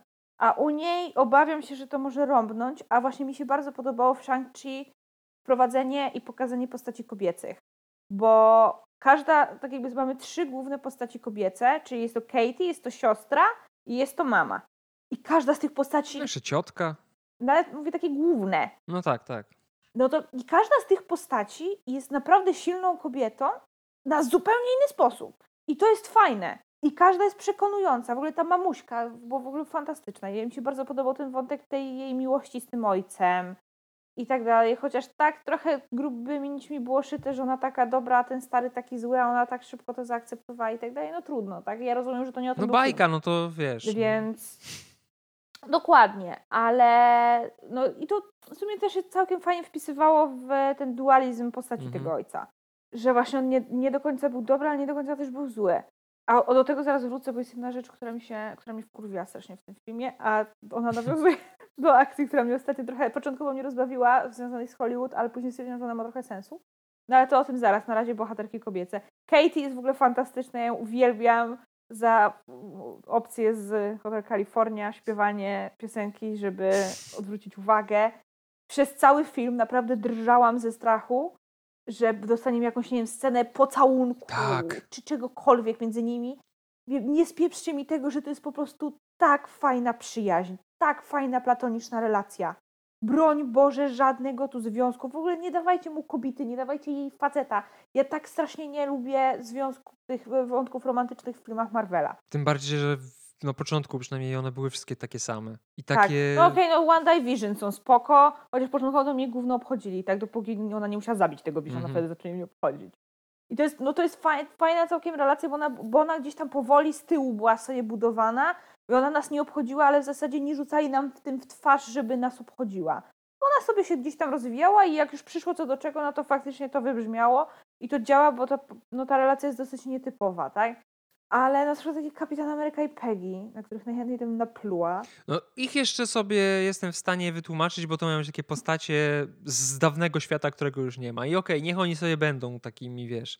Inne wątki romantyczne faktycznie są kurwa słabe. Tak, na przykład Pepper było strasznie widać, że ona przeszkadzała scenarzystom. Że ona tak stopowała tego Tonego Starka, że oni nie do końca wiedzieli, co oni mają zrobić z tą ich relacją, więc przecież w pewnym momencie ją wywalili i powiedzieli, że się rozstali. Także, no a w ogóle, a Tor Jane Foster to już w ogóle zupełnie na parę kalosz, ale to, to ja wierzę, że uratuje Taika Też Waititi. tak to, co do tego ja w ogóle nie mam żadnych wątpliwości, bo ja Tajce to już ufam całkowicie. Teraz mi się przypomniało, że była w sumie taka relacja przyjacielsko-czysta, damsko-męska wcześniej, tylko nigdy nie pokazana, czyli y, Hawkeye i Black Widow. Oni też nigdy nie mieli żadnych romantycznych... Tak, tak, tak. E, aczkolwiek ja fakt... Ale nie było to pokazane i była na Ja innych tak- zasadach, bo nie było... Wiesz o co chodzi? To, są, to jest na zasadzie Tak, kolegów to- z wojska, a nie na zasadzie ludzi, którzy Tak, znają w prywatnym tak. życiu i właśnie chodzą sobie na piwerko. I chodzą razem na karaoke, No. tak? To, to trochę co innego. Właśnie ta przyjaźń Clint'a i Nataszy, ona moim zdaniem tak najbardziej ludzko wybrzmiała dopiero w serialu. Mhm. Bo wcześniej to było na zasadzie, no on jej darował życie, ma u niego dług i tak dalej, i tak dalej. Że wiedzieliśmy, że im na sobie zależy, ale jakoś nie było tego flow e, w tym przypadku. Steve z Nataszą mieli, oni mieli całkiem sympatyczną tą relację. Ja całkiem lubiłam tą ich relację, mimo że niektórzy reżyser, reżyserzy, Joss Whedon lubili zapominać o tej relacji. Ona fajnie wybrzmiała w Civil War. Ale to też z drugiej strony ja odnosiłam wrażenie, że Natasza starała się mieć takie ciepłe relacje z każdym z Avengersów, bo ona była taką trochę mamuśką dla nich wszystkich. Mhm. Fakt faktem z, z Tonym Starkiem i z Wandą to średnio się lubiła, ale jednak jednak się też czuła. Ona Wandę to traktowała jak taką wkurwiającą młodszą siostrę. Ja żałuję do tej pory, że nie wycięli tą scenę z czasu Ultrona, jak e, Natasza się przypierdala o to, że Wanda ma na sobie jej kurtkę. To nie widziałem nawet tego.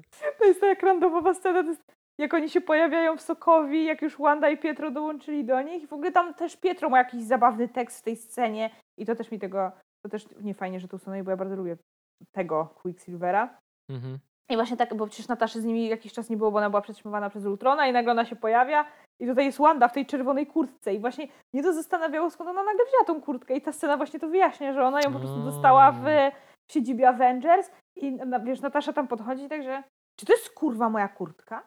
I Steve, Steve zaczyna tam tłumaczyć, że nie no, Wanda teraz jest z nami, ona teraz jest spoko, a Natasza... Jest z biednego nie... kraju, nie jest to się. Tak, to wciąż nie tłumaczy, dlaczego ma na sobie moją kurtkę. I ta Wanda w tym momencie takie, takie awkward, jakby chciała ściągnąć w ogóle tą kurtkę z siebie. Później cały czas mają taki vibe trochę, że Wanda coś tam gada, że o, przecież ja tam mam te zdolności takie, że mogę poruszać przedmiotami nie dotykając ich. I Natasza ją tak sprowadza na ziemię.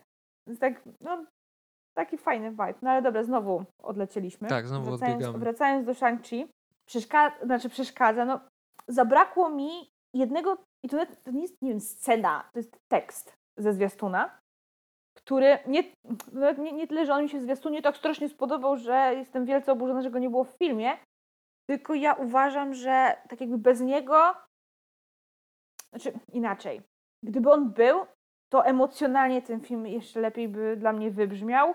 Podobny, podobna kwestia jest z Civil War, gdzie w zwiastunie był tekst Tonego Starka do Kapitana Ameryki, że jakby pomyliłem się co do ciebie, cały świat się co do ciebie pomylił.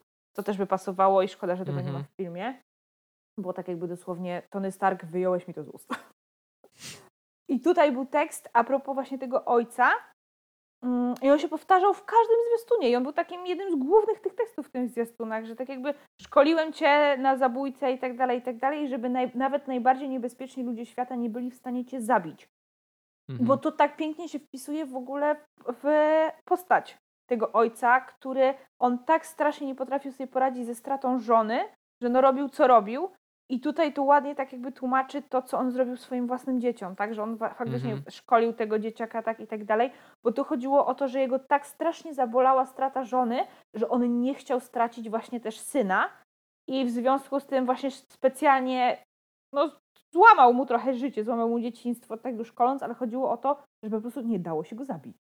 Mhm. No a to w sumie trochę wynikało z fabuły, ale nie jest to tak oczywiste, tak, ale w sensie tak jakby gdyby padło. ten tekst tak, ja, ja, oczywiście, że ja to wywnioskowałam z fabuły, tak, tylko po prostu gdyby oni wpletli w którymś momencie ten tekst, to to mogłaby być tak emocjonalna scena. Mhm. No i tego mi zabrakło. A śmiałam się, że to jest takie nawiązanie do akcji z Hollywood ostatnio. Nie wiem, czy słyszałeś o fanach Anny de Armas, którzy pozwali tak. Universal za to, że została wycięta z filmu, mimo że była w zwiastunie. I to tak początkowo jest... Za... Pisałem dziś nawet o tym. Tak? tak. Okej. Okay. E, tak jakby to jest niby śmieszne.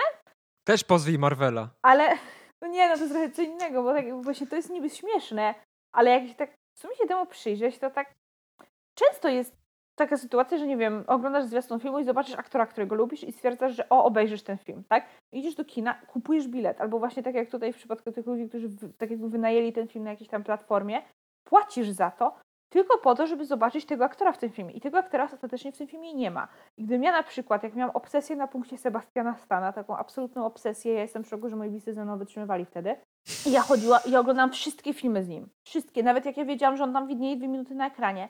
I gdybym ja poszła do kina, ze względu na to, że gra tam Sebastian Stan i tego Sebastiana by jednak nie było, to by mnie szlak trafił. I tutaj po pierwsze rozumiem wkurwienie, z drugiej strony właśnie zwiastuny bardzo często, coraz częściej w sumie wprowadzają widzów w błąd. No ale jak są takie filmy jak Avengersi, gdzie faktycznie ta cała intryga ma być zachowana w tajemnicy, no to ja to lubię, ale tutaj to był jakiś kurwa idiotyczny błąd, który chyba faktycznie miał ludzi skusić na nazwisko, którego tak, nie ma. Więc... więc chodzi mi o to, czy to, to czy właśnie ta akcja, ona może wiele zmienić w tym momencie w Hollywood na zasadzie tworzenia zwiastunów że jednak mhm. twórcy będą trochę bardziej uważać, tworząc te zwiastuny, że tak jakby okej, okay, jedno to jest niezdradzanie fabuły, a drugie to jest po prostu robienie odbiorców w chuja. Bo na przykład, okej, okay, ja w Marvelu na, na, przykład rozumiem z Endgame, tak, że to, to był, był, bardzo problematyczny film w ogóle z jakąkolwiek kampanią promocyjną. Czy no tak. właśnie Spider-Man nowy. Ale na przykład wkurwiało mnie chwilami to, że widać było, że oni niektóre sceny do zwiastunów Marvela kręcili tylko po to, żeby one były w zwiastunach. Na przykład to słynne główne ujęcie ze zwiastunu Infinity War. Gdzie tak jakby my wiemy, że tego, że tego ujęcia nawet nie miało być w filmie, bo tam jest Hulk. Takich rzeczy bym nie chciała. Tak Marvel, okej, okay, może sobie tam nas trochę pokazując autentyczne ujęcia, ale po prostu tak montując te zwiastuny, że my, no tak jak na przykład teraz jest z Doktorem Strange'em, tak jak wciąż gówno wiem o tym filmie i nawet jeszcze bardziej mi namieszał w głowie ten zwiastun, bo jak myślałam już, że coś wiem, to okazało się, że jednak wcale nie wiem. A co innego, gdzie mamy zwiastun, który jest po prostu zbitkiem różnych randomowych scen, których ja i tak nie zobaczę w tym filmie. Bo automatycznie, bo w pewnym momencie to zacznie działać tak, że zwiastuny nas, zaczną nas gówno obchodzić. Bo tak będziesz wiedział, że. Znaczy mnie gówno obchodzą. Że, no właśnie, no, no tak mnie na przykład nie, mówiąc. tak? I ja wiem, że wielu, wielu, wiele osób obchodzą te zwiastuny patrząc po ilości wyświetleń. I kurna, ja będę oglądała sobie ten zwiastun i nie będę miała tej radochy, bo będę wiedziała, że aha, i tak ten film będzie o zupełnie czymś innym. Nie wiem, no znaczy, no, to było moim zdaniem albo przeoczenie, albo po prostu hamstwo ze strony dystrybutorów. Czy wiesz, nie wiem istnieje kogo. spora szansa. Ktoś chciał chyba przyciąć w chuja. Znaczy, bo wiesz, bo istnieje, zdarzają się takie sytuacje, tak, że nie wiem, masz jakiegoś aktora turbopopularnego, który został zaangażowany do produkcji, ale ostatecznie został wycięty. Przecież chyba Wes Anderson w ogóle musiał wyciąć cały. Był Wes Anderson? Chyba Wes Anderson że z ostatniego swojego filmu musiał wyciąć w ogóle cały segment, tak? Albo to był Xavier Dolan. Boże, no nie pamiętam, tak? No ale jeden z takich popularniejszych reżyserów i był film, który był tak po prostu, wiesz, kilka różnych historyjek. Jeden segment musiał zostać wycięty właśnie z jakimś tam aktorem, no bo po prostu film by trwał za długo. Tylko, że i ja to rozumiem. Tu zdarzają się takie sytuacje. Ostatnio nawet wyczytałam, że w Spider-Manie z Andrew Garfieldem, tylko nie pamiętam czy w jedynce, czy w dwójce, ale chyba w dwójce, miała się pojawić y, MJ, którą miała grać ta. Jak ona się nazywa? Ona grała w tej serii Niezgodna. Nie wiem. Grała w tych Big Little Lies. Shailene Woodley, czy jak ona się tam kurna nazywa? No mniejsza o to. No ale dosyć popularna aktorka i ona miała faktycznie zagrać tą MJ i ona nagrała kilka scen nawet. Ale ostatecznie zdecydowano, że mhm. wycinają ją z filmu. I tutaj też mamy case. No ale nie było jej zwiastunie. No właśnie, plakacie, ja do tego no. dążę. Tak? oczywiście bardzo długo znowu się rozgadałam. Ja do tego dążę, że kiedy kurwa wiesz, że musisz wyciąć to, to nie wpierdzielasz tego kogoś do zwiastuna. Więc tutaj to faktycznie jest czyste hamstwo. I oni mają moim zdaniem spore szanse wygra, wygrać w sądzie, ale znowu właśnie, bo znowu zaraz wyjdzie tak, że odcinek będzie trwał dwie godziny, z czego 15 minut rozmawiamy o Shang-Chi, a cała reszta jest o dupie Maryni. No. Nie wiem, czy jeszcze coś chcesz powiedzieć na temat postaci kobiecych, bo chyba ja nie mam nic do dodania, bo powiedziałaś wszystko, co ja bym chciał powiedzieć nawet więcej. No chyba nic mi już nie przychodzi do głowy. A wspomnę tylko, że bardzo mi się, bardzo mi się podoba to, że Katie została potraktowana przez Avengers, w sensie przez Wonga, przez Kapitan Marvel i przez Bannera mhm.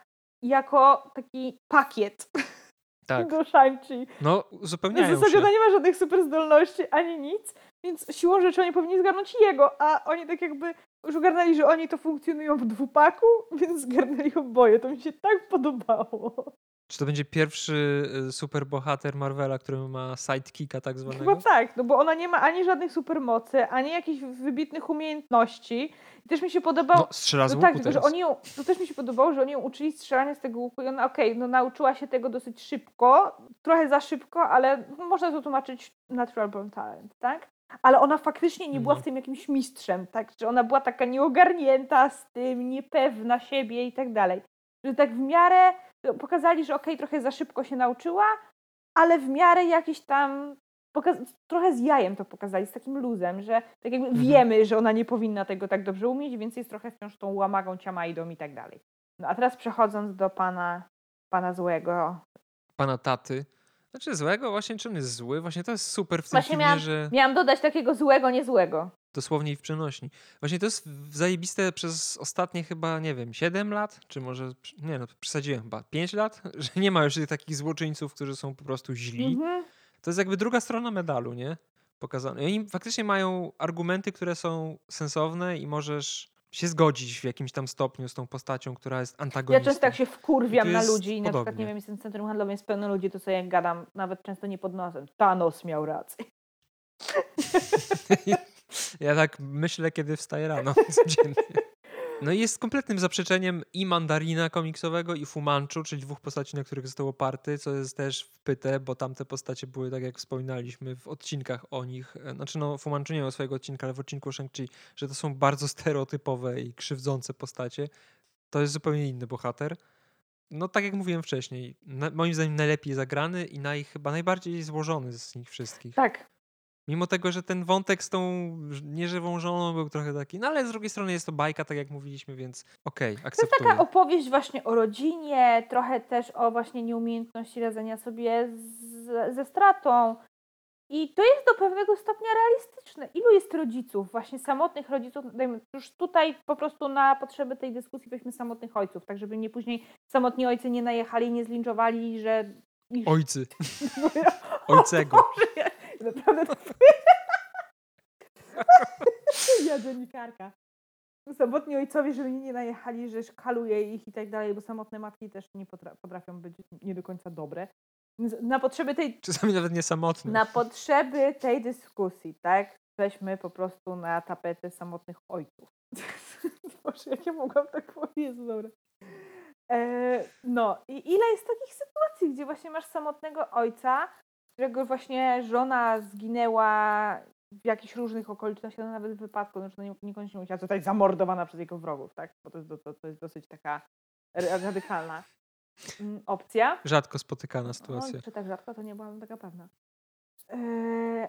No, może i tak. I tak jakby, ile jest właśnie takich sytuacji, że oni sobie nie potrafią totalnie poradzić z tą stratą i nieświadomie, kompletnie łamią życie swoim dzieciom.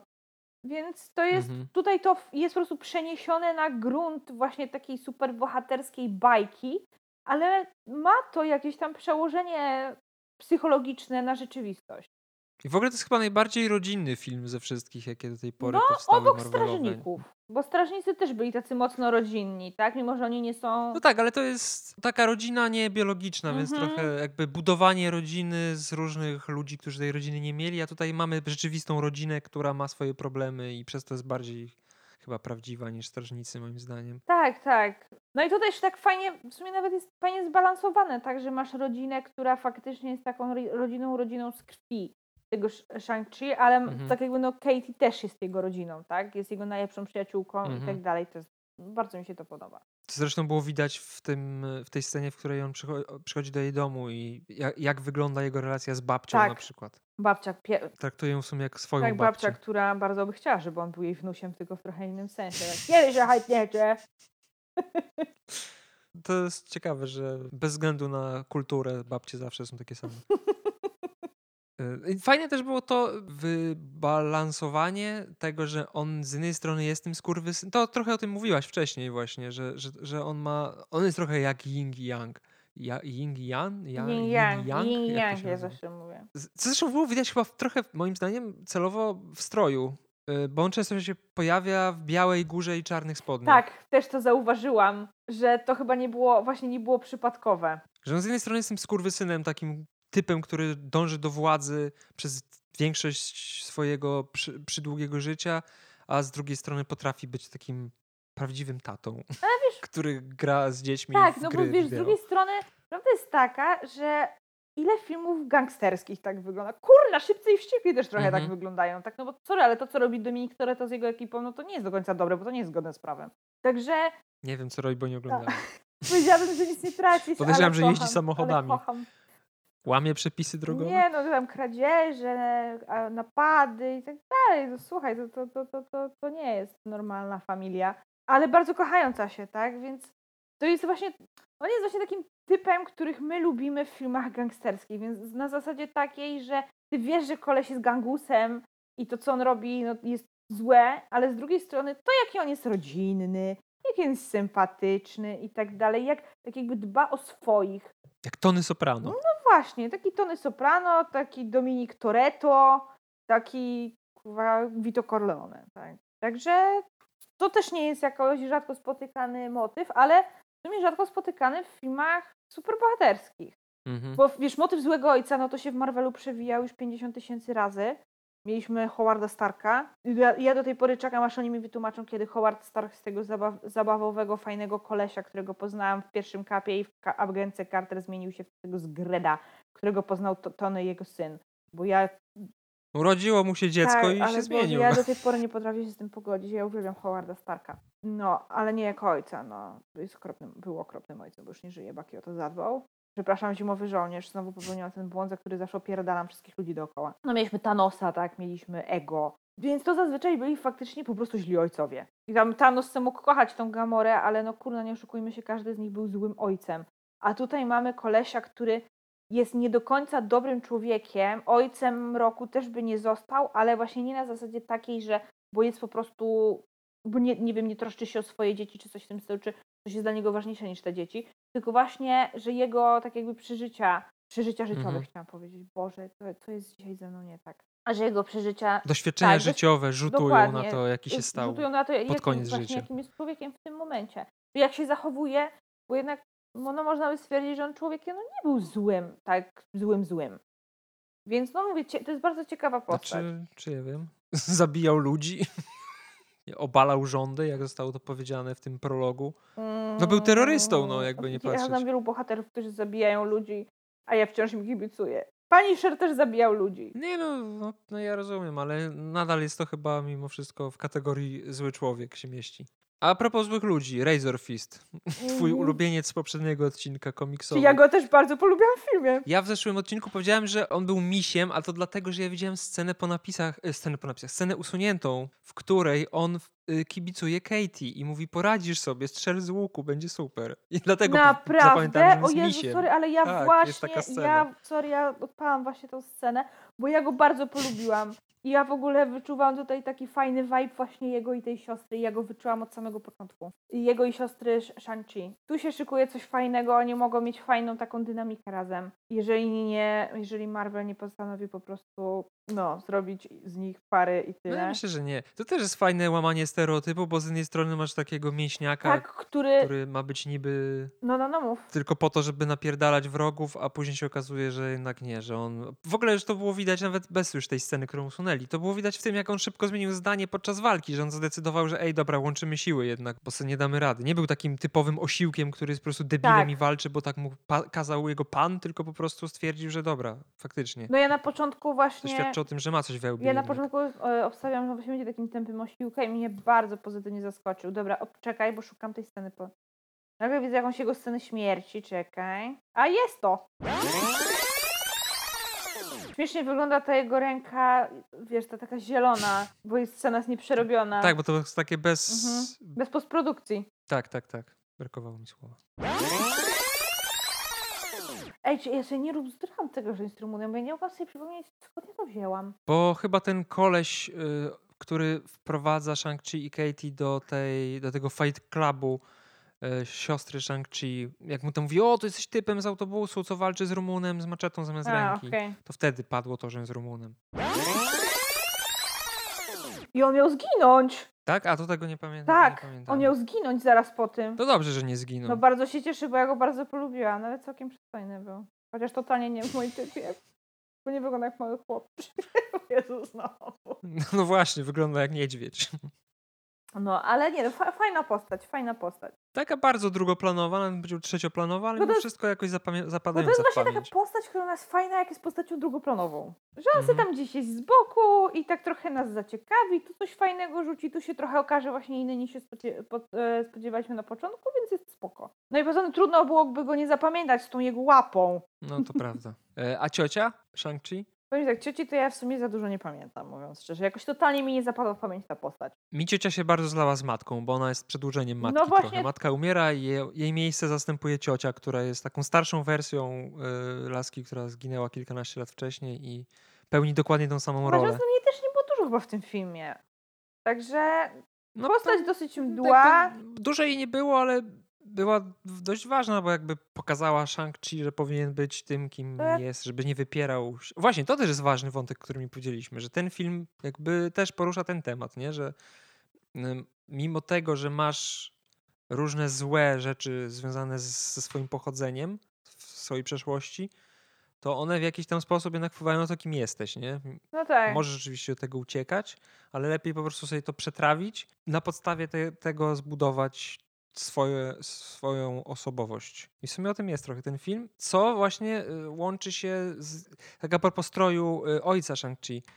Dla mnie ogólnie, nie wiem jak ty uważasz, ale kostium Shang-Chi, jak go zobaczyłem pierwszy raz, był taki nijaki. W sensie, chyba bardziej mi się podoba ten dresik z komiksów, taki wiesz, bardziej w stylu mhm. Bruce'a Lee. Nie mówię o tym oryginalnym, tylko takim, taki fajny, fajny, nowoczesny dresik mistrza sztuk walk. A tutaj jest jakieś te takie chuj wie co.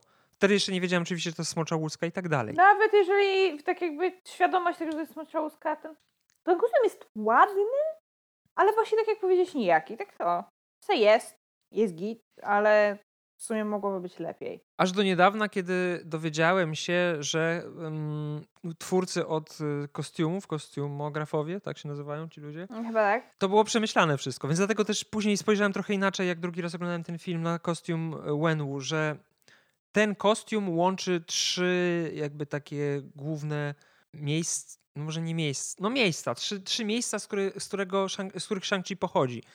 Bo ma e, górę y, związaną z matką, jakby dostaje ten, tą, tą smoczą zbroję od ciotki, więc jest to miejsce, te, ta magiczna kraina.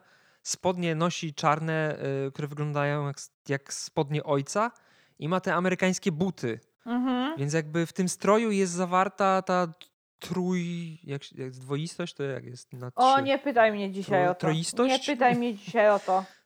Rozdzielenie na trzy tego, kim jest Shang-Chi. Mhm, jakby to elementów, z których składa się jego postać, więc to wtedy trochę inaczej patrzeć ten strój i bardziej mi się prze, przez to, to podoba. Teraz jak mi to mówisz, to ma to, ma to sens, ale wciąż to nie jest tak, że mi się ten kostium nie podoba, ale totalnie nie wiem, może to jest kwestia tego, że ten film oglądałam no w zasadzie niedługo po The Suicide Squad, gdzie te kostiumy są takie bang. Mhm.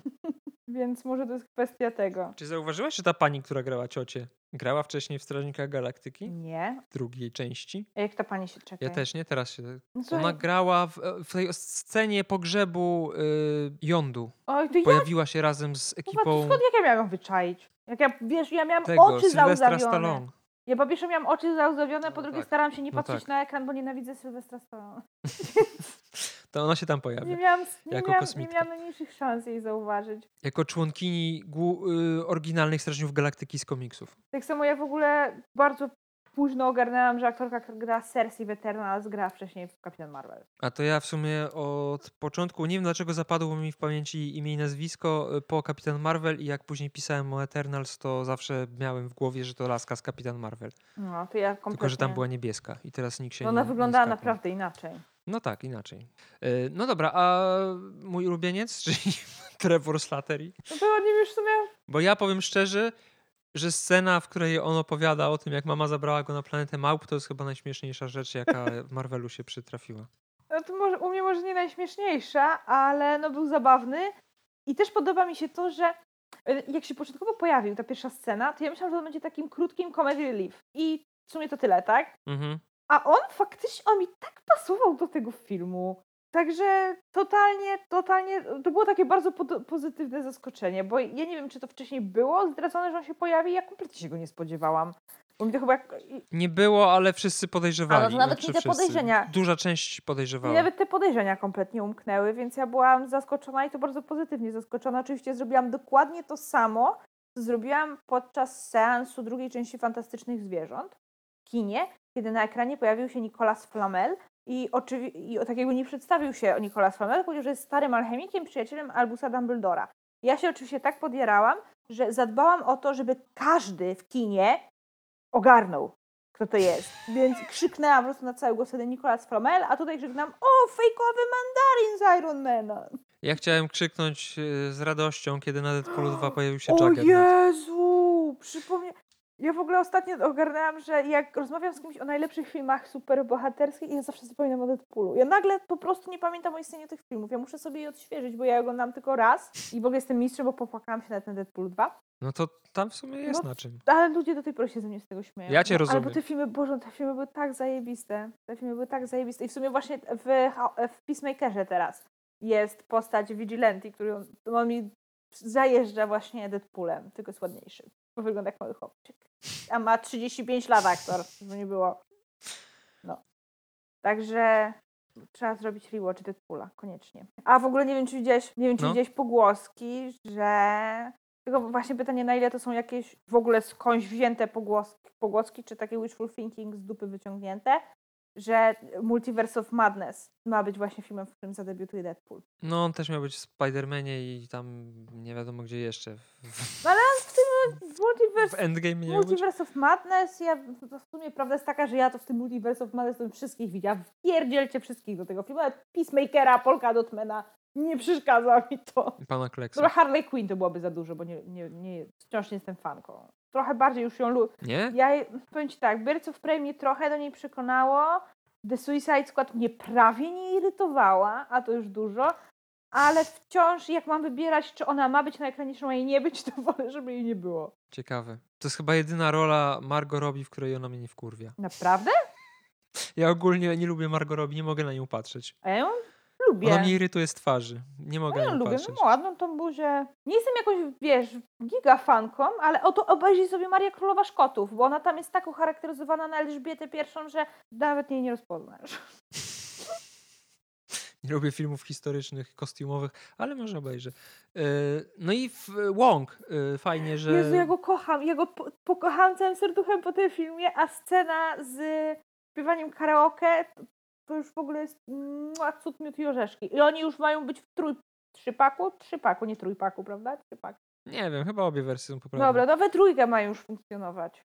Cały czas. No i fajnie, że ten, że, że Spider-Man nowy wytłumaczył skąd ten Wong tam, bo ja tak oglądałem i tak myślę, Dlaczego- kurwa, co Wong, bo co, bo też jest Azjatą Znaczy ja, i tak to nie, pierdolili, ja- bo, bo Azjaci to to, ja Azjaci. uwagi, ja bardziej wychodziłam z założenia, że Strange ma ważniejsze rzeczy do roboty. Znaczy, no też tak pomyślałem, ale tak myślę, no, no tak, no, azjatycka postać. W sumie pierwsza w Marvelu chyba, nie? Wong nie był pierwszą azjatycką w MCU postacią? Chyba był.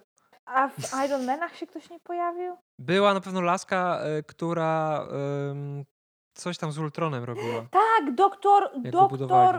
Mm, Ona Cho? chyba była, to nie była matka Amadeusa Cho? właśnie- Właśnie wydaje mi się, że to jak była ta zapowiedź pierwsza, za- że Amadeus Cho z komiksów pojawi się kiedyś w MCU, bo w, Poczekaj. bo w komiksach ona chyba też była jakąś nau, naukowczynią. Do... Helen Cho. Ona była bardzo ładną kobietą. Bardzo ładna była. No tak, ale ona ile tam była? No, Trzy w jakichś minuty? trzech scenach była, ale no była dosyć istotną postacią. Dzięki niej mamy Visiona. I dzięki niej Hawkeye tak. żyje.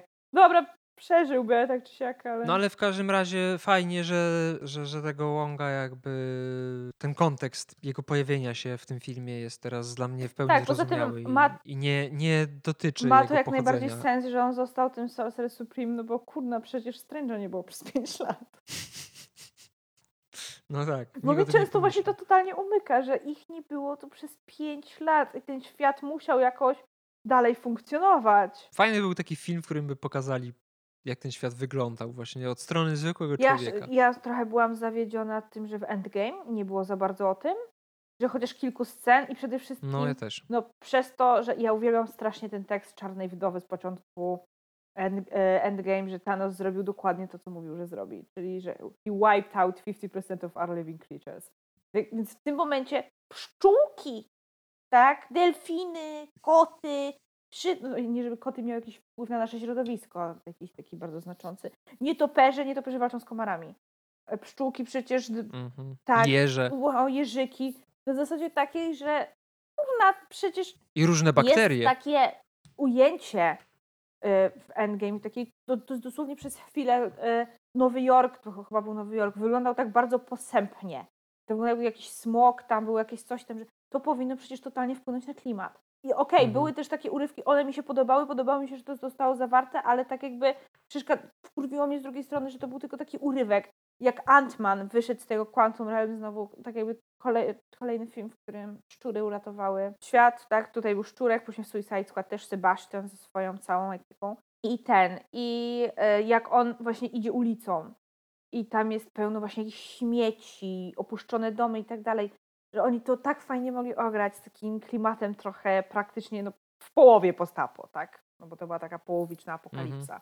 To, to naprawdę jest fajny motyw. I ja liczyłam w sumie też trochę, że w, tych niektórych serialach może dostaniemy jakieś takie flashbacki, czy coś w tym stylu, bo one się, jednak, no nie wiem, Falcon i Zimowy Żołnierz się bardzo odnosił do tego, że ludzie przez 5 lat musieli tu żyć jakoś. Więc no, No tam były, tak, ale to były takie smaczki bardziej niż faktycznie pokazanie, jak to wyglądało. no właśnie, a mnie to, mnie to naprawdę ciekawi. Naprawdę mnie to ciekawi. No ale cóż, no życie toczy się Będzie. dalej. No może jeszcze coś będzie w przyszłości. Bo właśnie z jednej strony mnie to ciekawi, a z drugiej strony takie kurwa, ile możemy męczyć tą Infinity Saga. Ona się już skończyła i jedziemy dalej, Też tak? prawda. A poza tym trzeba brać pod uwagę, że w MCU jednak technologia jest trochę bardziej zaawansowana niż u nas, więc może jacyś naukowcy coś zaradzili, żeby nie było tak strasznie jak... Tak, że, tak, że bardziej, poli, że bardziej polityka tutaj była problematyczna niż kwestie klimatu i życia na Ziemi. Aczkolwiek, Mhm. no to, ja to zawsze tak odbierałam, że jednak to miało jakieś tam większe znaczenie, że te zwierzę, zwierzęta poznikały, bo też były takie motywy na zasadzie, jak Czarna Wdowa prowadziła dalej, nadzorowała Avengers i oni mają to takie spotkanie, że oni tam, tam Rocket, Kapitan Marvel, Okoje jej tam zgłaszają jakieś raporty, to chyba właśnie Okoje jej zgłosiła, że delfiny się gdzieś tam pojawiły. Tak? Że to po, z jakiegoś powodu Mm. było istotne na tyle, że musieli o tym powiedzieć. Tak samo, e, to ja, ja tego nie zauważyłam sama, to ktoś to wyczaił, widziałam to w internecie, że na przykład jak Tony Stark sobie mieszkał w tej chatce w lesie, w ogóle Boże, to jest coś, co ja kiedyś zrobię, jak już będę bogata, na tyle, że będę mogła to zrobić. Takie wypierdzielać, wszyscy mieszkam w lesie i zupełnie pocałujcie. Jak już zarobimy na podcaście miliony dolarów, to w końcu zamieszkasz w lesie, gdzie w ogóle nie Tak. będziesz miała zasięgu i, i bę- będziesz widzieć jeden wielki piksel zamiast mojej Dokładnie. gęby. No, ale nie słychać jest w ogóle ptaków. Ktoś zwrócił na to uwagę, że w ogóle nie słychać ptaków, a jak jest scena po tym, jak Hulk pstryknął i Ant-Man, wycho- i Ant-Man wychodzi, chyba on chyba wyszedł przed tą siedzibą, czy na jakiś taras, coś w tym stylu. Zaraz przed tym, jak jebnął statek y, Thanosa, słychać jest ptaki. Że to było takie zwrócenie uwagi, że jednak faktycznie dał i nie, nie, nawet nie pamiętam, czy Scott czegoś nie skomentował w tym sensie, tak? Że on, że on po tym ogarnął, że to zadziałało, bo słyszał ptaki. Więc jakoś tam jednak było wplatane to, że, że te zwierzątka też poznikały. W ogóle mnie to strasznie wkurwiło. Ja nie wiem dlaczego z jakiegoś powodu w Infinity War wychodziłam z założenia, że to chodzi o takie, wiesz, istoty typu my i, wiesz, kosmita, tak? Taki dwunożny. I takie odpierdoliliśmy się od zwierzątek. A tu proszę. I mnie wciąż na przykład, strasznie mnie ciekawią te motywy z tym stryknięciem.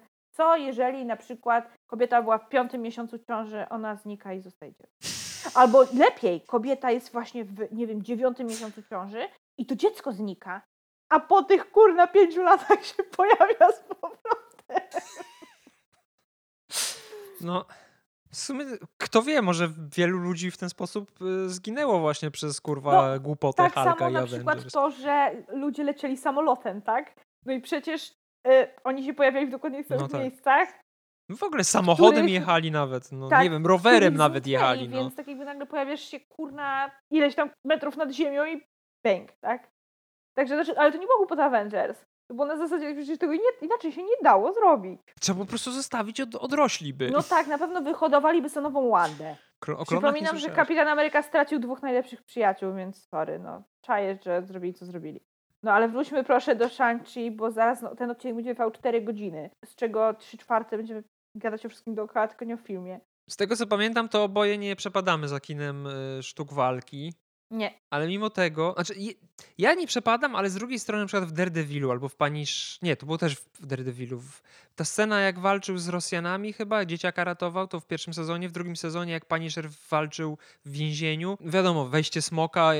Jest kilka takich filmów, nie wiem, Kill Bill, gdzie są te sztuki walki i fajnie mi się na to patrzy, bo jest to dobrze zrobione. I tutaj też tak było. W sensie, wiesz o co mi chodzi? Nie lubię gatunku, ale ten element, który jest w nim powiedzmy, że najważniejszy, robi na mnie wrażenie, mimo tego, że w ogóle sceny walk dla mnie nie są czymś, y, czego ja oczekuję po kinie superbohaterskim, że było bardziej absurdalnie i paradoksalnie.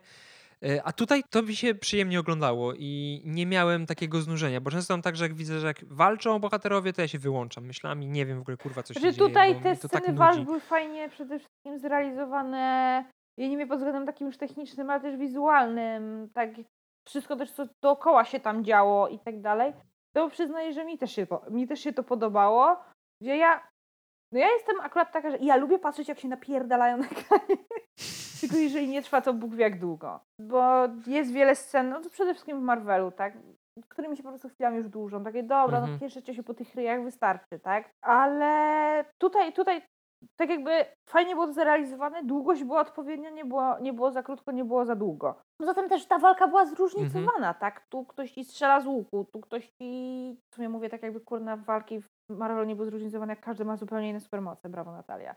No, ale to tak chwalę to nie na zasadzie takiej, że czegoś takiego nie ma ogólnie w Marvelu, tylko że jest i jest to fajne i tutaj też było fajne. Do tej pory smoków nie było. No właśnie więc... mi się ten smok tak podobał. Ja się bałam, że to będzie takie trochę cheesy i że tak trochę z dupy, a jednak wyszło, wyszło naprawdę fajnie. No w ogóle efekty specjalne były Tak, całkiem ten film jest przede wszystkim wpyte. Jak, tak samo jak jej nie chwalę nigdy efektów specjalnych, bo też na to nie zwracam uwagi, tak tutaj to było wszystko takie bardzo dobrze Bo Ten zrobione. jest śliczny, Ładnie to on jest wyglądało. śliczny wizualnie. To jest jedna z jego największych zalet. Naprawdę, jest po prostu śliczny. Ja wyszłam z kina i powiedziałam, oh my god. Ale jest to, o czym ja mówiłem też, e, przynajmniej ja tak mam, e, tydzień temu, czyli nadal dla mnie ten film jest bardzo, tak jak trochę Eternals też, bardzo z boku całego uniwersum. Mimo tego, o czym mówiliśmy wcześniej, czyli tego, że faktycznie on też jakoś jest tam powiązany z tym multiversum, to gdyby to był film stworzony przez, nie wiem, kurwa, Warner Bros. o jakimś kolesiu, który jest mistrzem sztuk walki i ma matkę z innego wymiaru i nie, nie działby się w MCU, myślę, że tak samo by działał mimo wszystko. Z jednej strony tak, Tutaj nie jest aż tak ważne to z powiązanie z, strony MCU. tak, a z drugiej ja jednak miałam mocne takie poczucie, że jednak oglądam film Marvela. Jakoś tak ten, on humor miał taki trochę w stylu Marvela i gdzieś tutaj się gdzieś tam, to- nie było tak, że ten łąk się pojawił tylko w scenie po napisach, tak? Tylko on gdzieś tam się tutaj gdzieś coś tam przewinął. No tak. Także jednak to nie, nie odstaje mi na przykład nie, to co innego niż Eternals, gdzie Eternals faktycznie ja nawet podczas oglądania filmu nie miałam za bardzo poczucia, że jestem w Marvelu. Tak tutaj to on, może to jest kwestia tak, że po prostu pasuje do tego uniwersum. Nie no, pasuje, tak, tak, ale gdyby nie był, to nic by się nie stało moim, moim zdaniem, ale to nie jest z, z mojej strony żaden minus, tylko po prostu w sumie to jest plus, bo ja lubię jak jestem zaskakiwany, a to mnie zaskoczyło właśnie, że to jest tak inne, właśnie przez to, że nie pasuje jest inne. Mhm. Nie tylko przez to, że wprowadzane są elementy z kultury azjatyckiej, że w końcu jest azjatycki superbohater na pierwszym planie, a nie jest jakimś drugoplanowym przytupasem Białasa. No i wiele innych rzeczy, które tam się pojawiają po raz pierwszy w Marvelu. To jest super. I trochę kojarzy mi się to przez, przez to właśnie e, Shang-Chi z Black Pantherem. Nawet y, też z powodu sposobu narracji, i, bo też jest taki sam prolog, który wprowadza cię do historii. I z, z powodu tego, z tej całej fabuły, tej całej historii, bo Black Panther też jest w sumie bardzo rodzinnym filmem. Więc mimo wszystko jakieś tam powiązanie z Black Pantherem, mimo tego, co mówiłem wcześniej, że jest poza MCU, to jakiś widzę taki, taki, taki wspólny... Właśnie jak mówiliśmy o, o rodzinnych filmach, to nie wspomnieliśmy, zapomnieliśmy o Black Pantherze. On faktycznie, on jest taki rodzinny na, tak na wielu wymiarach, bo z jednej strony właśnie mamy rodzinę stricte T'Challi, tak, że mamy tą siostrę, mamy matkę, jest, no to jakby nie patrzeć, rodziną też jest główny złoczyńca, ale ja lubię ludzi, w ludziach z Wakandy ten taki ich patriotyzm. W sensie, że oni są w ogóle jak wszyscy, jak taka wielka rodzina, cały naród. Mhm. I W sumie plemię można by nawet powiedzieć, że to jest. tak, to fajnie wybrzmiało i w- i w tym filmie tutaj, tak, no na przykład jak mąż okoje do niej, czy, czy naprawdę byłaby w stanie go zabić, no przecież dla Wakandy zawsze. To było istotne później dla Infinity War, w sensie przynajmniej dla mnie pod względem takim emocjonalnym, to fajnie wybrzmiało, bo ja zawsze powtarzam, że Infinity War ma bardzo wiele plusów, mogłam wymieniać i wymieniać, ale bardzo jednym z nich jest to, że ten film pokazuje różne oblicza superbohaterstwa, tak? Że różne zachowania czynią z ciebie superbohatera.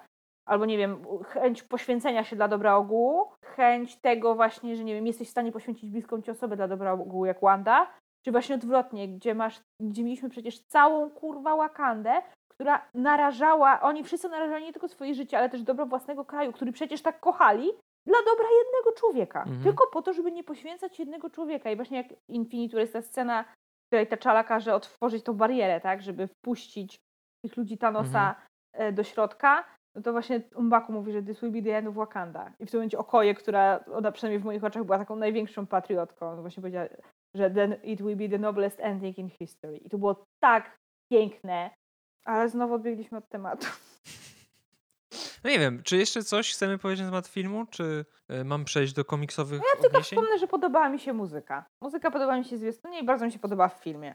I też bawi mnie to, że tak jakby ja mam często tak, że z danymi filmami mi się kojarzą totalnie randomowe piosenki, które nie mają z nimi nic wspólnego. Ze względu na to, że na przykład właśnie, nie wiem, w czasie, kiedy obejrzałam ten film, to nałogowo słuchałam jakiejś piosenki. I właśnie w czasie, jak wychodziła Endgame, ja miałam pierdolce na punkcie Hotel California. Ja tego non-stop słuchałam i ta piosenka mi się kojarzy stricte z Marvelem. Więc tak mnie, tak mnie to ucieszyło i tak mnie to rozbawiło, że akurat tą, tę piosenkę wykorzystali w tym filmie. Bardzo, mi, ba, bardzo fajnie. Strzelili się. No, idealnie się wstrzelili.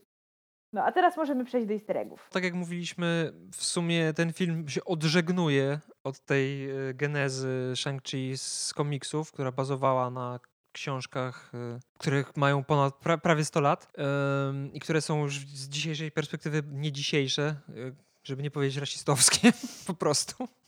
Początek sam i cała historia e, w skrócie Wenwu, czy Mandarina, czy jak zwał, tak zwał, tego głó- głównego antagonisty, no to widzimy tam po części jest taki moment, w którym moim zdaniem to było lekkie nawiązanie do tej historii całej Shang-Chi, tajnego agenta MI6, bo jest tam moment, w którym e, Mandarin każe wysadzić jakieś miejsce w Londynie, mi się wydaje, że to jest Londyn albo jakaś Anglia. I wydaje mi się, że tutaj jest ten link z, z, tym oryginal, z tą oryginalną serią Shang-Chi, ale poza tym y, Mandarin pojawia się w tej takiej naj, najbardziej, jeśli chodzi o filmy, y, w, najbar- w formie najbardziej zbliżonej do tego, jak wyglądał w komiksach, czyli jest to Azjata, który ma taki powiedzmy tradycyjny kostium i tą charakterystyczną fryzurę, ten koczek i długie włosy. Tak?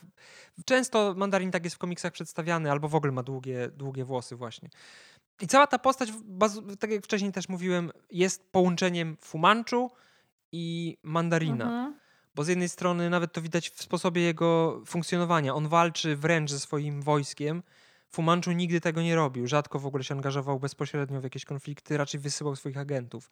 I tutaj jest to, z jednej strony on wysyła swoich agentów, a z drugiej strony jest pokazane, jak on tam te kilkaset lat temu walczy ze swoimi wojownikami. To z kolei jest cecha Mandarina, który potrafił walczyć i często w, w tą walkę z Iron Manem wchodził, taką walkę wręcz. Cała w ogóle ta historia z Talo to się nazywała ta, ta, ta wioska, tak? Czy ten wymiar cały nawet, z którego pochodziła matka Chyba, chyba tak, ale ręki sobie nie dam uciąć. Wydaje mi się, że coś takiego istnieje w komiksach Marvela, ale nie pamiętam dokładnie. W każdym razie bardzo przypomina w ogóle ta opcja ze smokiem, bardzo przypomina y, inne mistyczne mia miasto z innego wymiaru związane z azjatyckim ludem, czyli Kun Kunlun. To jest miasto, w którym, do którego trafił Iron Fist i tam został Iron Fistem. I żeby zostać Iron Fistem trzeba było, po, było pokonać smoka i zanurzyć je, e, pięści w jego chyba sercu i wtedy zdobywało się tą moc żelaznej pięści. Nie zdziwiłbym się, gdyby w MCU nie powrócił Iron Fist, tylko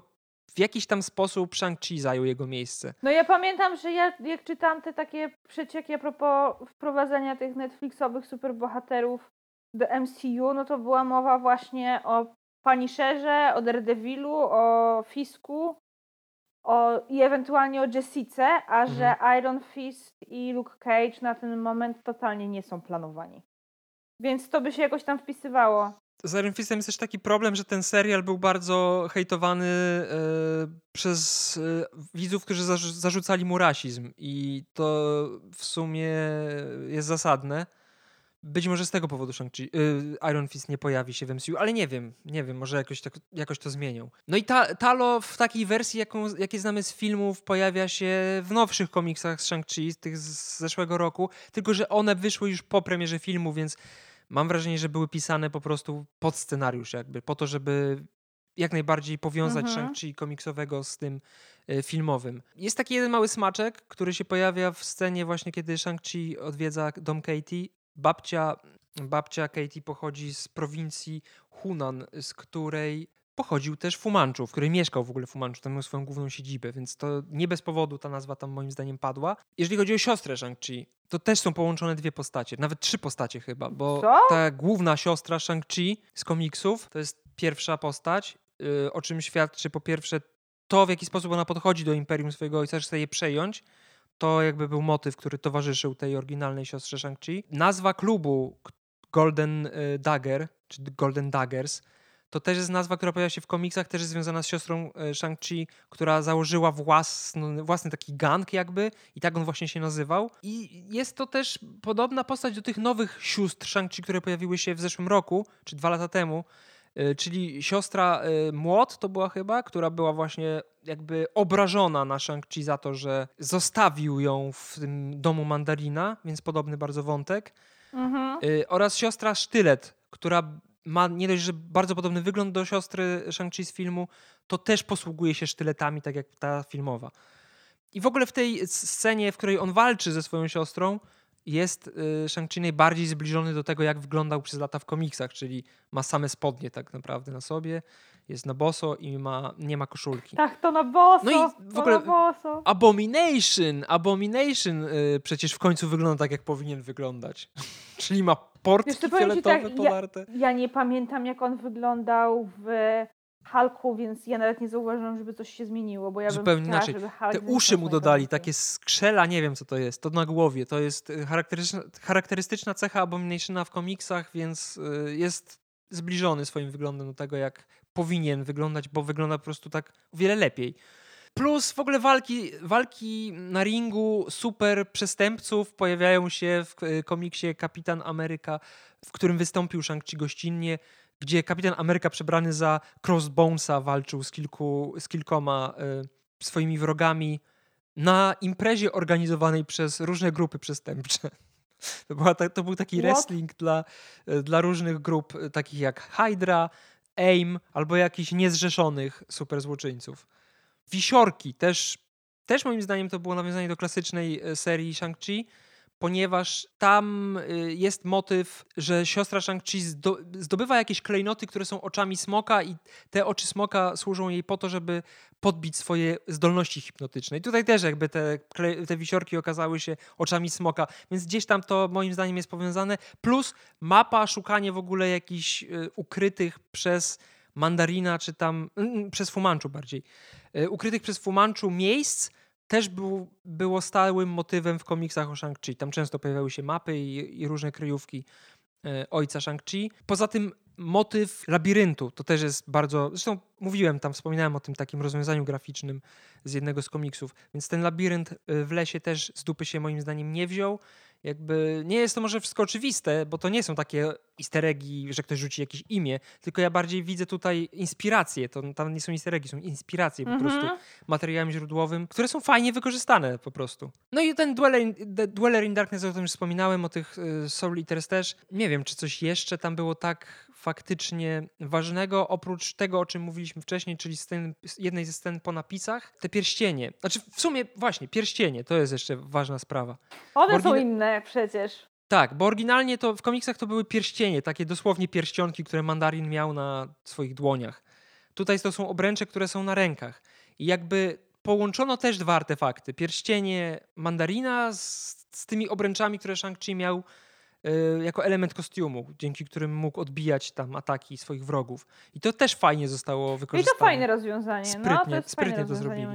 Plus ich pochodzenie może być związane z pochodzeniem pierścieni z komiksów, czyli z y, tak zwanym smokiem, który tak naprawdę był kosmitą, nazywającym się Fin Fang Fum. I ten smok kosmita to jest taka postać, która się pojawia bardzo często w uniwersum Marvela. W zasadzie jest od początku. W tym momencie raczej pełni rolę żartu, bo to jest po prostu wielki smok w majtkach, What? ale być może ta rasa kosmitów pojawi się w przyszłości. I to byłoby w sumie ciekawe, gdyby jakoś przeinaczyli Fin Fang Fuma, który jest faktycznie taką postacią, no, z której się raczej scenarzyści nabijają, wykorzystują go po to, żeby zrobić raczej humor, humorystyczną jakąś scenkę, niż żeby faktycznie on był zagrożeniem, bo on był w ogóle wrogiem Ironmana A, oryginalnie. mamy, w, mamy, w Marvelu, mamy w Marvelu dwóch kandydatów na reżyserów, którzy potrafiliby sobie świetnie z czymś takim poradzić i przemienić w złoto. O kim mówisz? O Tajce Waititi? No halo, Taika i James Gunn. A, no nie wiem czy. No w sumie w Strażnikach Galaktyki, gdyby pojawili się, nie pamiętam jak się nazywa ta rasa tych smoków, ale to byłoby fajne. No James dla mnie już udowodnił, że on potrafi wziąć takie totalnie z dupy postacie z jakimiś dziwnymi supermocami i zrobić z nich coś fantastycznego, także... Zgadzam się. No kurde, on wziął drzewo, gadające drzewo, które w zasadzie robi tyle, że jest gadającym drzewem. A proszę, jaka fantastyczna postać. Czy przypomniało ci się pytanie, które chciałaś zadać tydzień temu, ale wypadło ci z głowy? Nie, a wiesz, uwierz mi, starałam się, gdzieś siedziałam i kminiłam, o co mi kurna chodziło. A to było takie faktycznie co, coś, co mnie strasznie nurtowało. I kiedyś sobie może przypomnę, kiedyś wiesz, randomowo za jakieś 7 lat będę próbowała zasnąć w łóżku i sobie przypomnę. Liczę na to, że będzie to wcześniej. No też mam taką nadzieję. Więc tyle ode mnie, jeżeli chodzi o komiksozjebstwo. Yy, I nie wiem, czy jeszcze jakieś mamy. Czy mamy coś do powiedzenia ciekawego, czy już kończymy? W sumie ja mam tylko pytanie, jak, tak jakby sądzisz, w jakiej produkcji teraz, jak gdzie byś widział teraz Shang- Shang-Chi? Abstrahując od sequela filmu, tak? Tak, ja liczę na y, gościnny chociaż występ w Doktorze Strange'u 2. Przez Łąga. Właśnie, bo tak zastanawiam się, z którymi postaciami najchętniej bym go jakoś tam połączyła. No i na pewno by się z Spider-Manem dogadali, tak. Ale no, z tym Wongiem dużo muszą. No i no, fa- faktycznie ma, miałoby to sens, żeby się pojawił w Multiverse of Madness. A później, chociaż w sumie Multiverse wiem, of Madness ona pewnie zrobi taki rozpierdziel, że... No, Na, że później- będziemy później, w ogóle inaczej po- myśleć o MCU. Tak, później, który postrzegamy teraz, będzie innym później niż dostaniemy ostatecznie. Znaczy, przed premierą myślałem, że to będzie postać typowo yy, uliczna taka, bardziej właśnie w stylu Daredevila, że to będzie tak jak w komiksach trochę było i z tymi postaciami bym łączył Shang-Chi, ale kiedy wszedł ten wątek magiczny, którego w komiksach o Shang-Chi raczej nie było, znaczy były jakieś tam smoki, zawsze motyw smoka się pojawiał, ale on nigdy, rzadko to były prawdziwe smoki, nie? Więc on Mhm. jakby był bardzo przyziemną postacią mimo wszystko. A tutaj pojawia się ten wątek magiczny, więc znaczy, no, Spider-Man 3 udowodnił, że można łączyć tych bardziej ulicznych superbohaterów, takich jak Spider-Man z Doktorem Strange'em, ale jakoś bardziej chyba coś w stylu, nie wiem, no nie wiem, ciężko mi powiedzieć. Nie, nie mam No pojęcia zobaczymy. to... Zobaczymy. A ty masz jakieś propozycje? No właśnie nie, stąd było moje pytanie, bo ja tak sobie siedzę i tak sobie kminię, mówię, no ja ze Spider-Manem ewentualnie. No tam jeszcze jest taki w miarę przyziemny i śmieszkowy. Banner? Nie wiem, może Ale nie, Kamala, jakoś- Kamala Khan w przyszłości. Przecież ona No będzie właśnie, w może- kosmosie, tak? Wła- właśnie, Kate Bishop, Jelena, tak jakby zapominamy o tych, ja się tak skupiałam na tych postaciach, tych takich mocniejszych, że zapomniałam o no, nowościach, które dostaliśmy przecież. A które są fantastyczne. Są.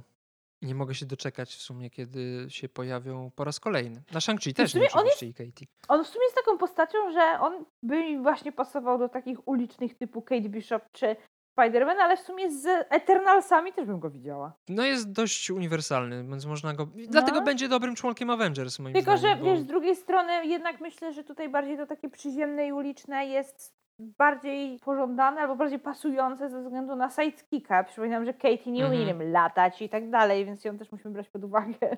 Ned też nie umiał magii, a w trzeciej części się nauczył. No ale właśnie ja mam nadzieję, że nie zrobią z niej czegoś takiego z dupy. Chociaż w sumie tutaj fajnie mogliby połączyć z Kate Bishop, która by ją nauczyła lepiej strzelać z łuku. O, to było wpyte. Mm, Także... Jest dużo możliwości. Podejrzewam, że za te... Kiedy? W maju, tak? Przekonamy się. Co tam Marvel kombinuje? No.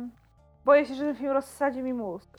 W sensie boję w takim pozytywnym sensie, ale on może mi rozsadzić mózg. Tak może być. Jeszcze nie zapominajmy, że e, Moon Knight, który też jest niby uliczny, a mimo wszystko magiczny w jakiś tam sposób. O kurna, faktycznie jeszcze on. I też się napierdala przecież ostro. Także, Boże, tego, tego będzie tyle, że ja zaraz się zacznę gubić w tych bohaterach. No dobra, coś jeszcze? To w takim razie chyba nadszedł czas na pożegnanie. No to co? To do usłyszonka za tydzień. Powiedzmy, Tak. jeżeli nic się nie wykolei, bo nigdy nie wiadomo. Czy coś chcesz mi powiedzieć? Nie, no ale no cóż, dobra, to żegnamy się. Papa, zapraszamy na nasze media społecznościowe, tak jak zwykle oczywiście. I do Dokładnie. usłyszenia za tydzień. No, pa, pa. Pa.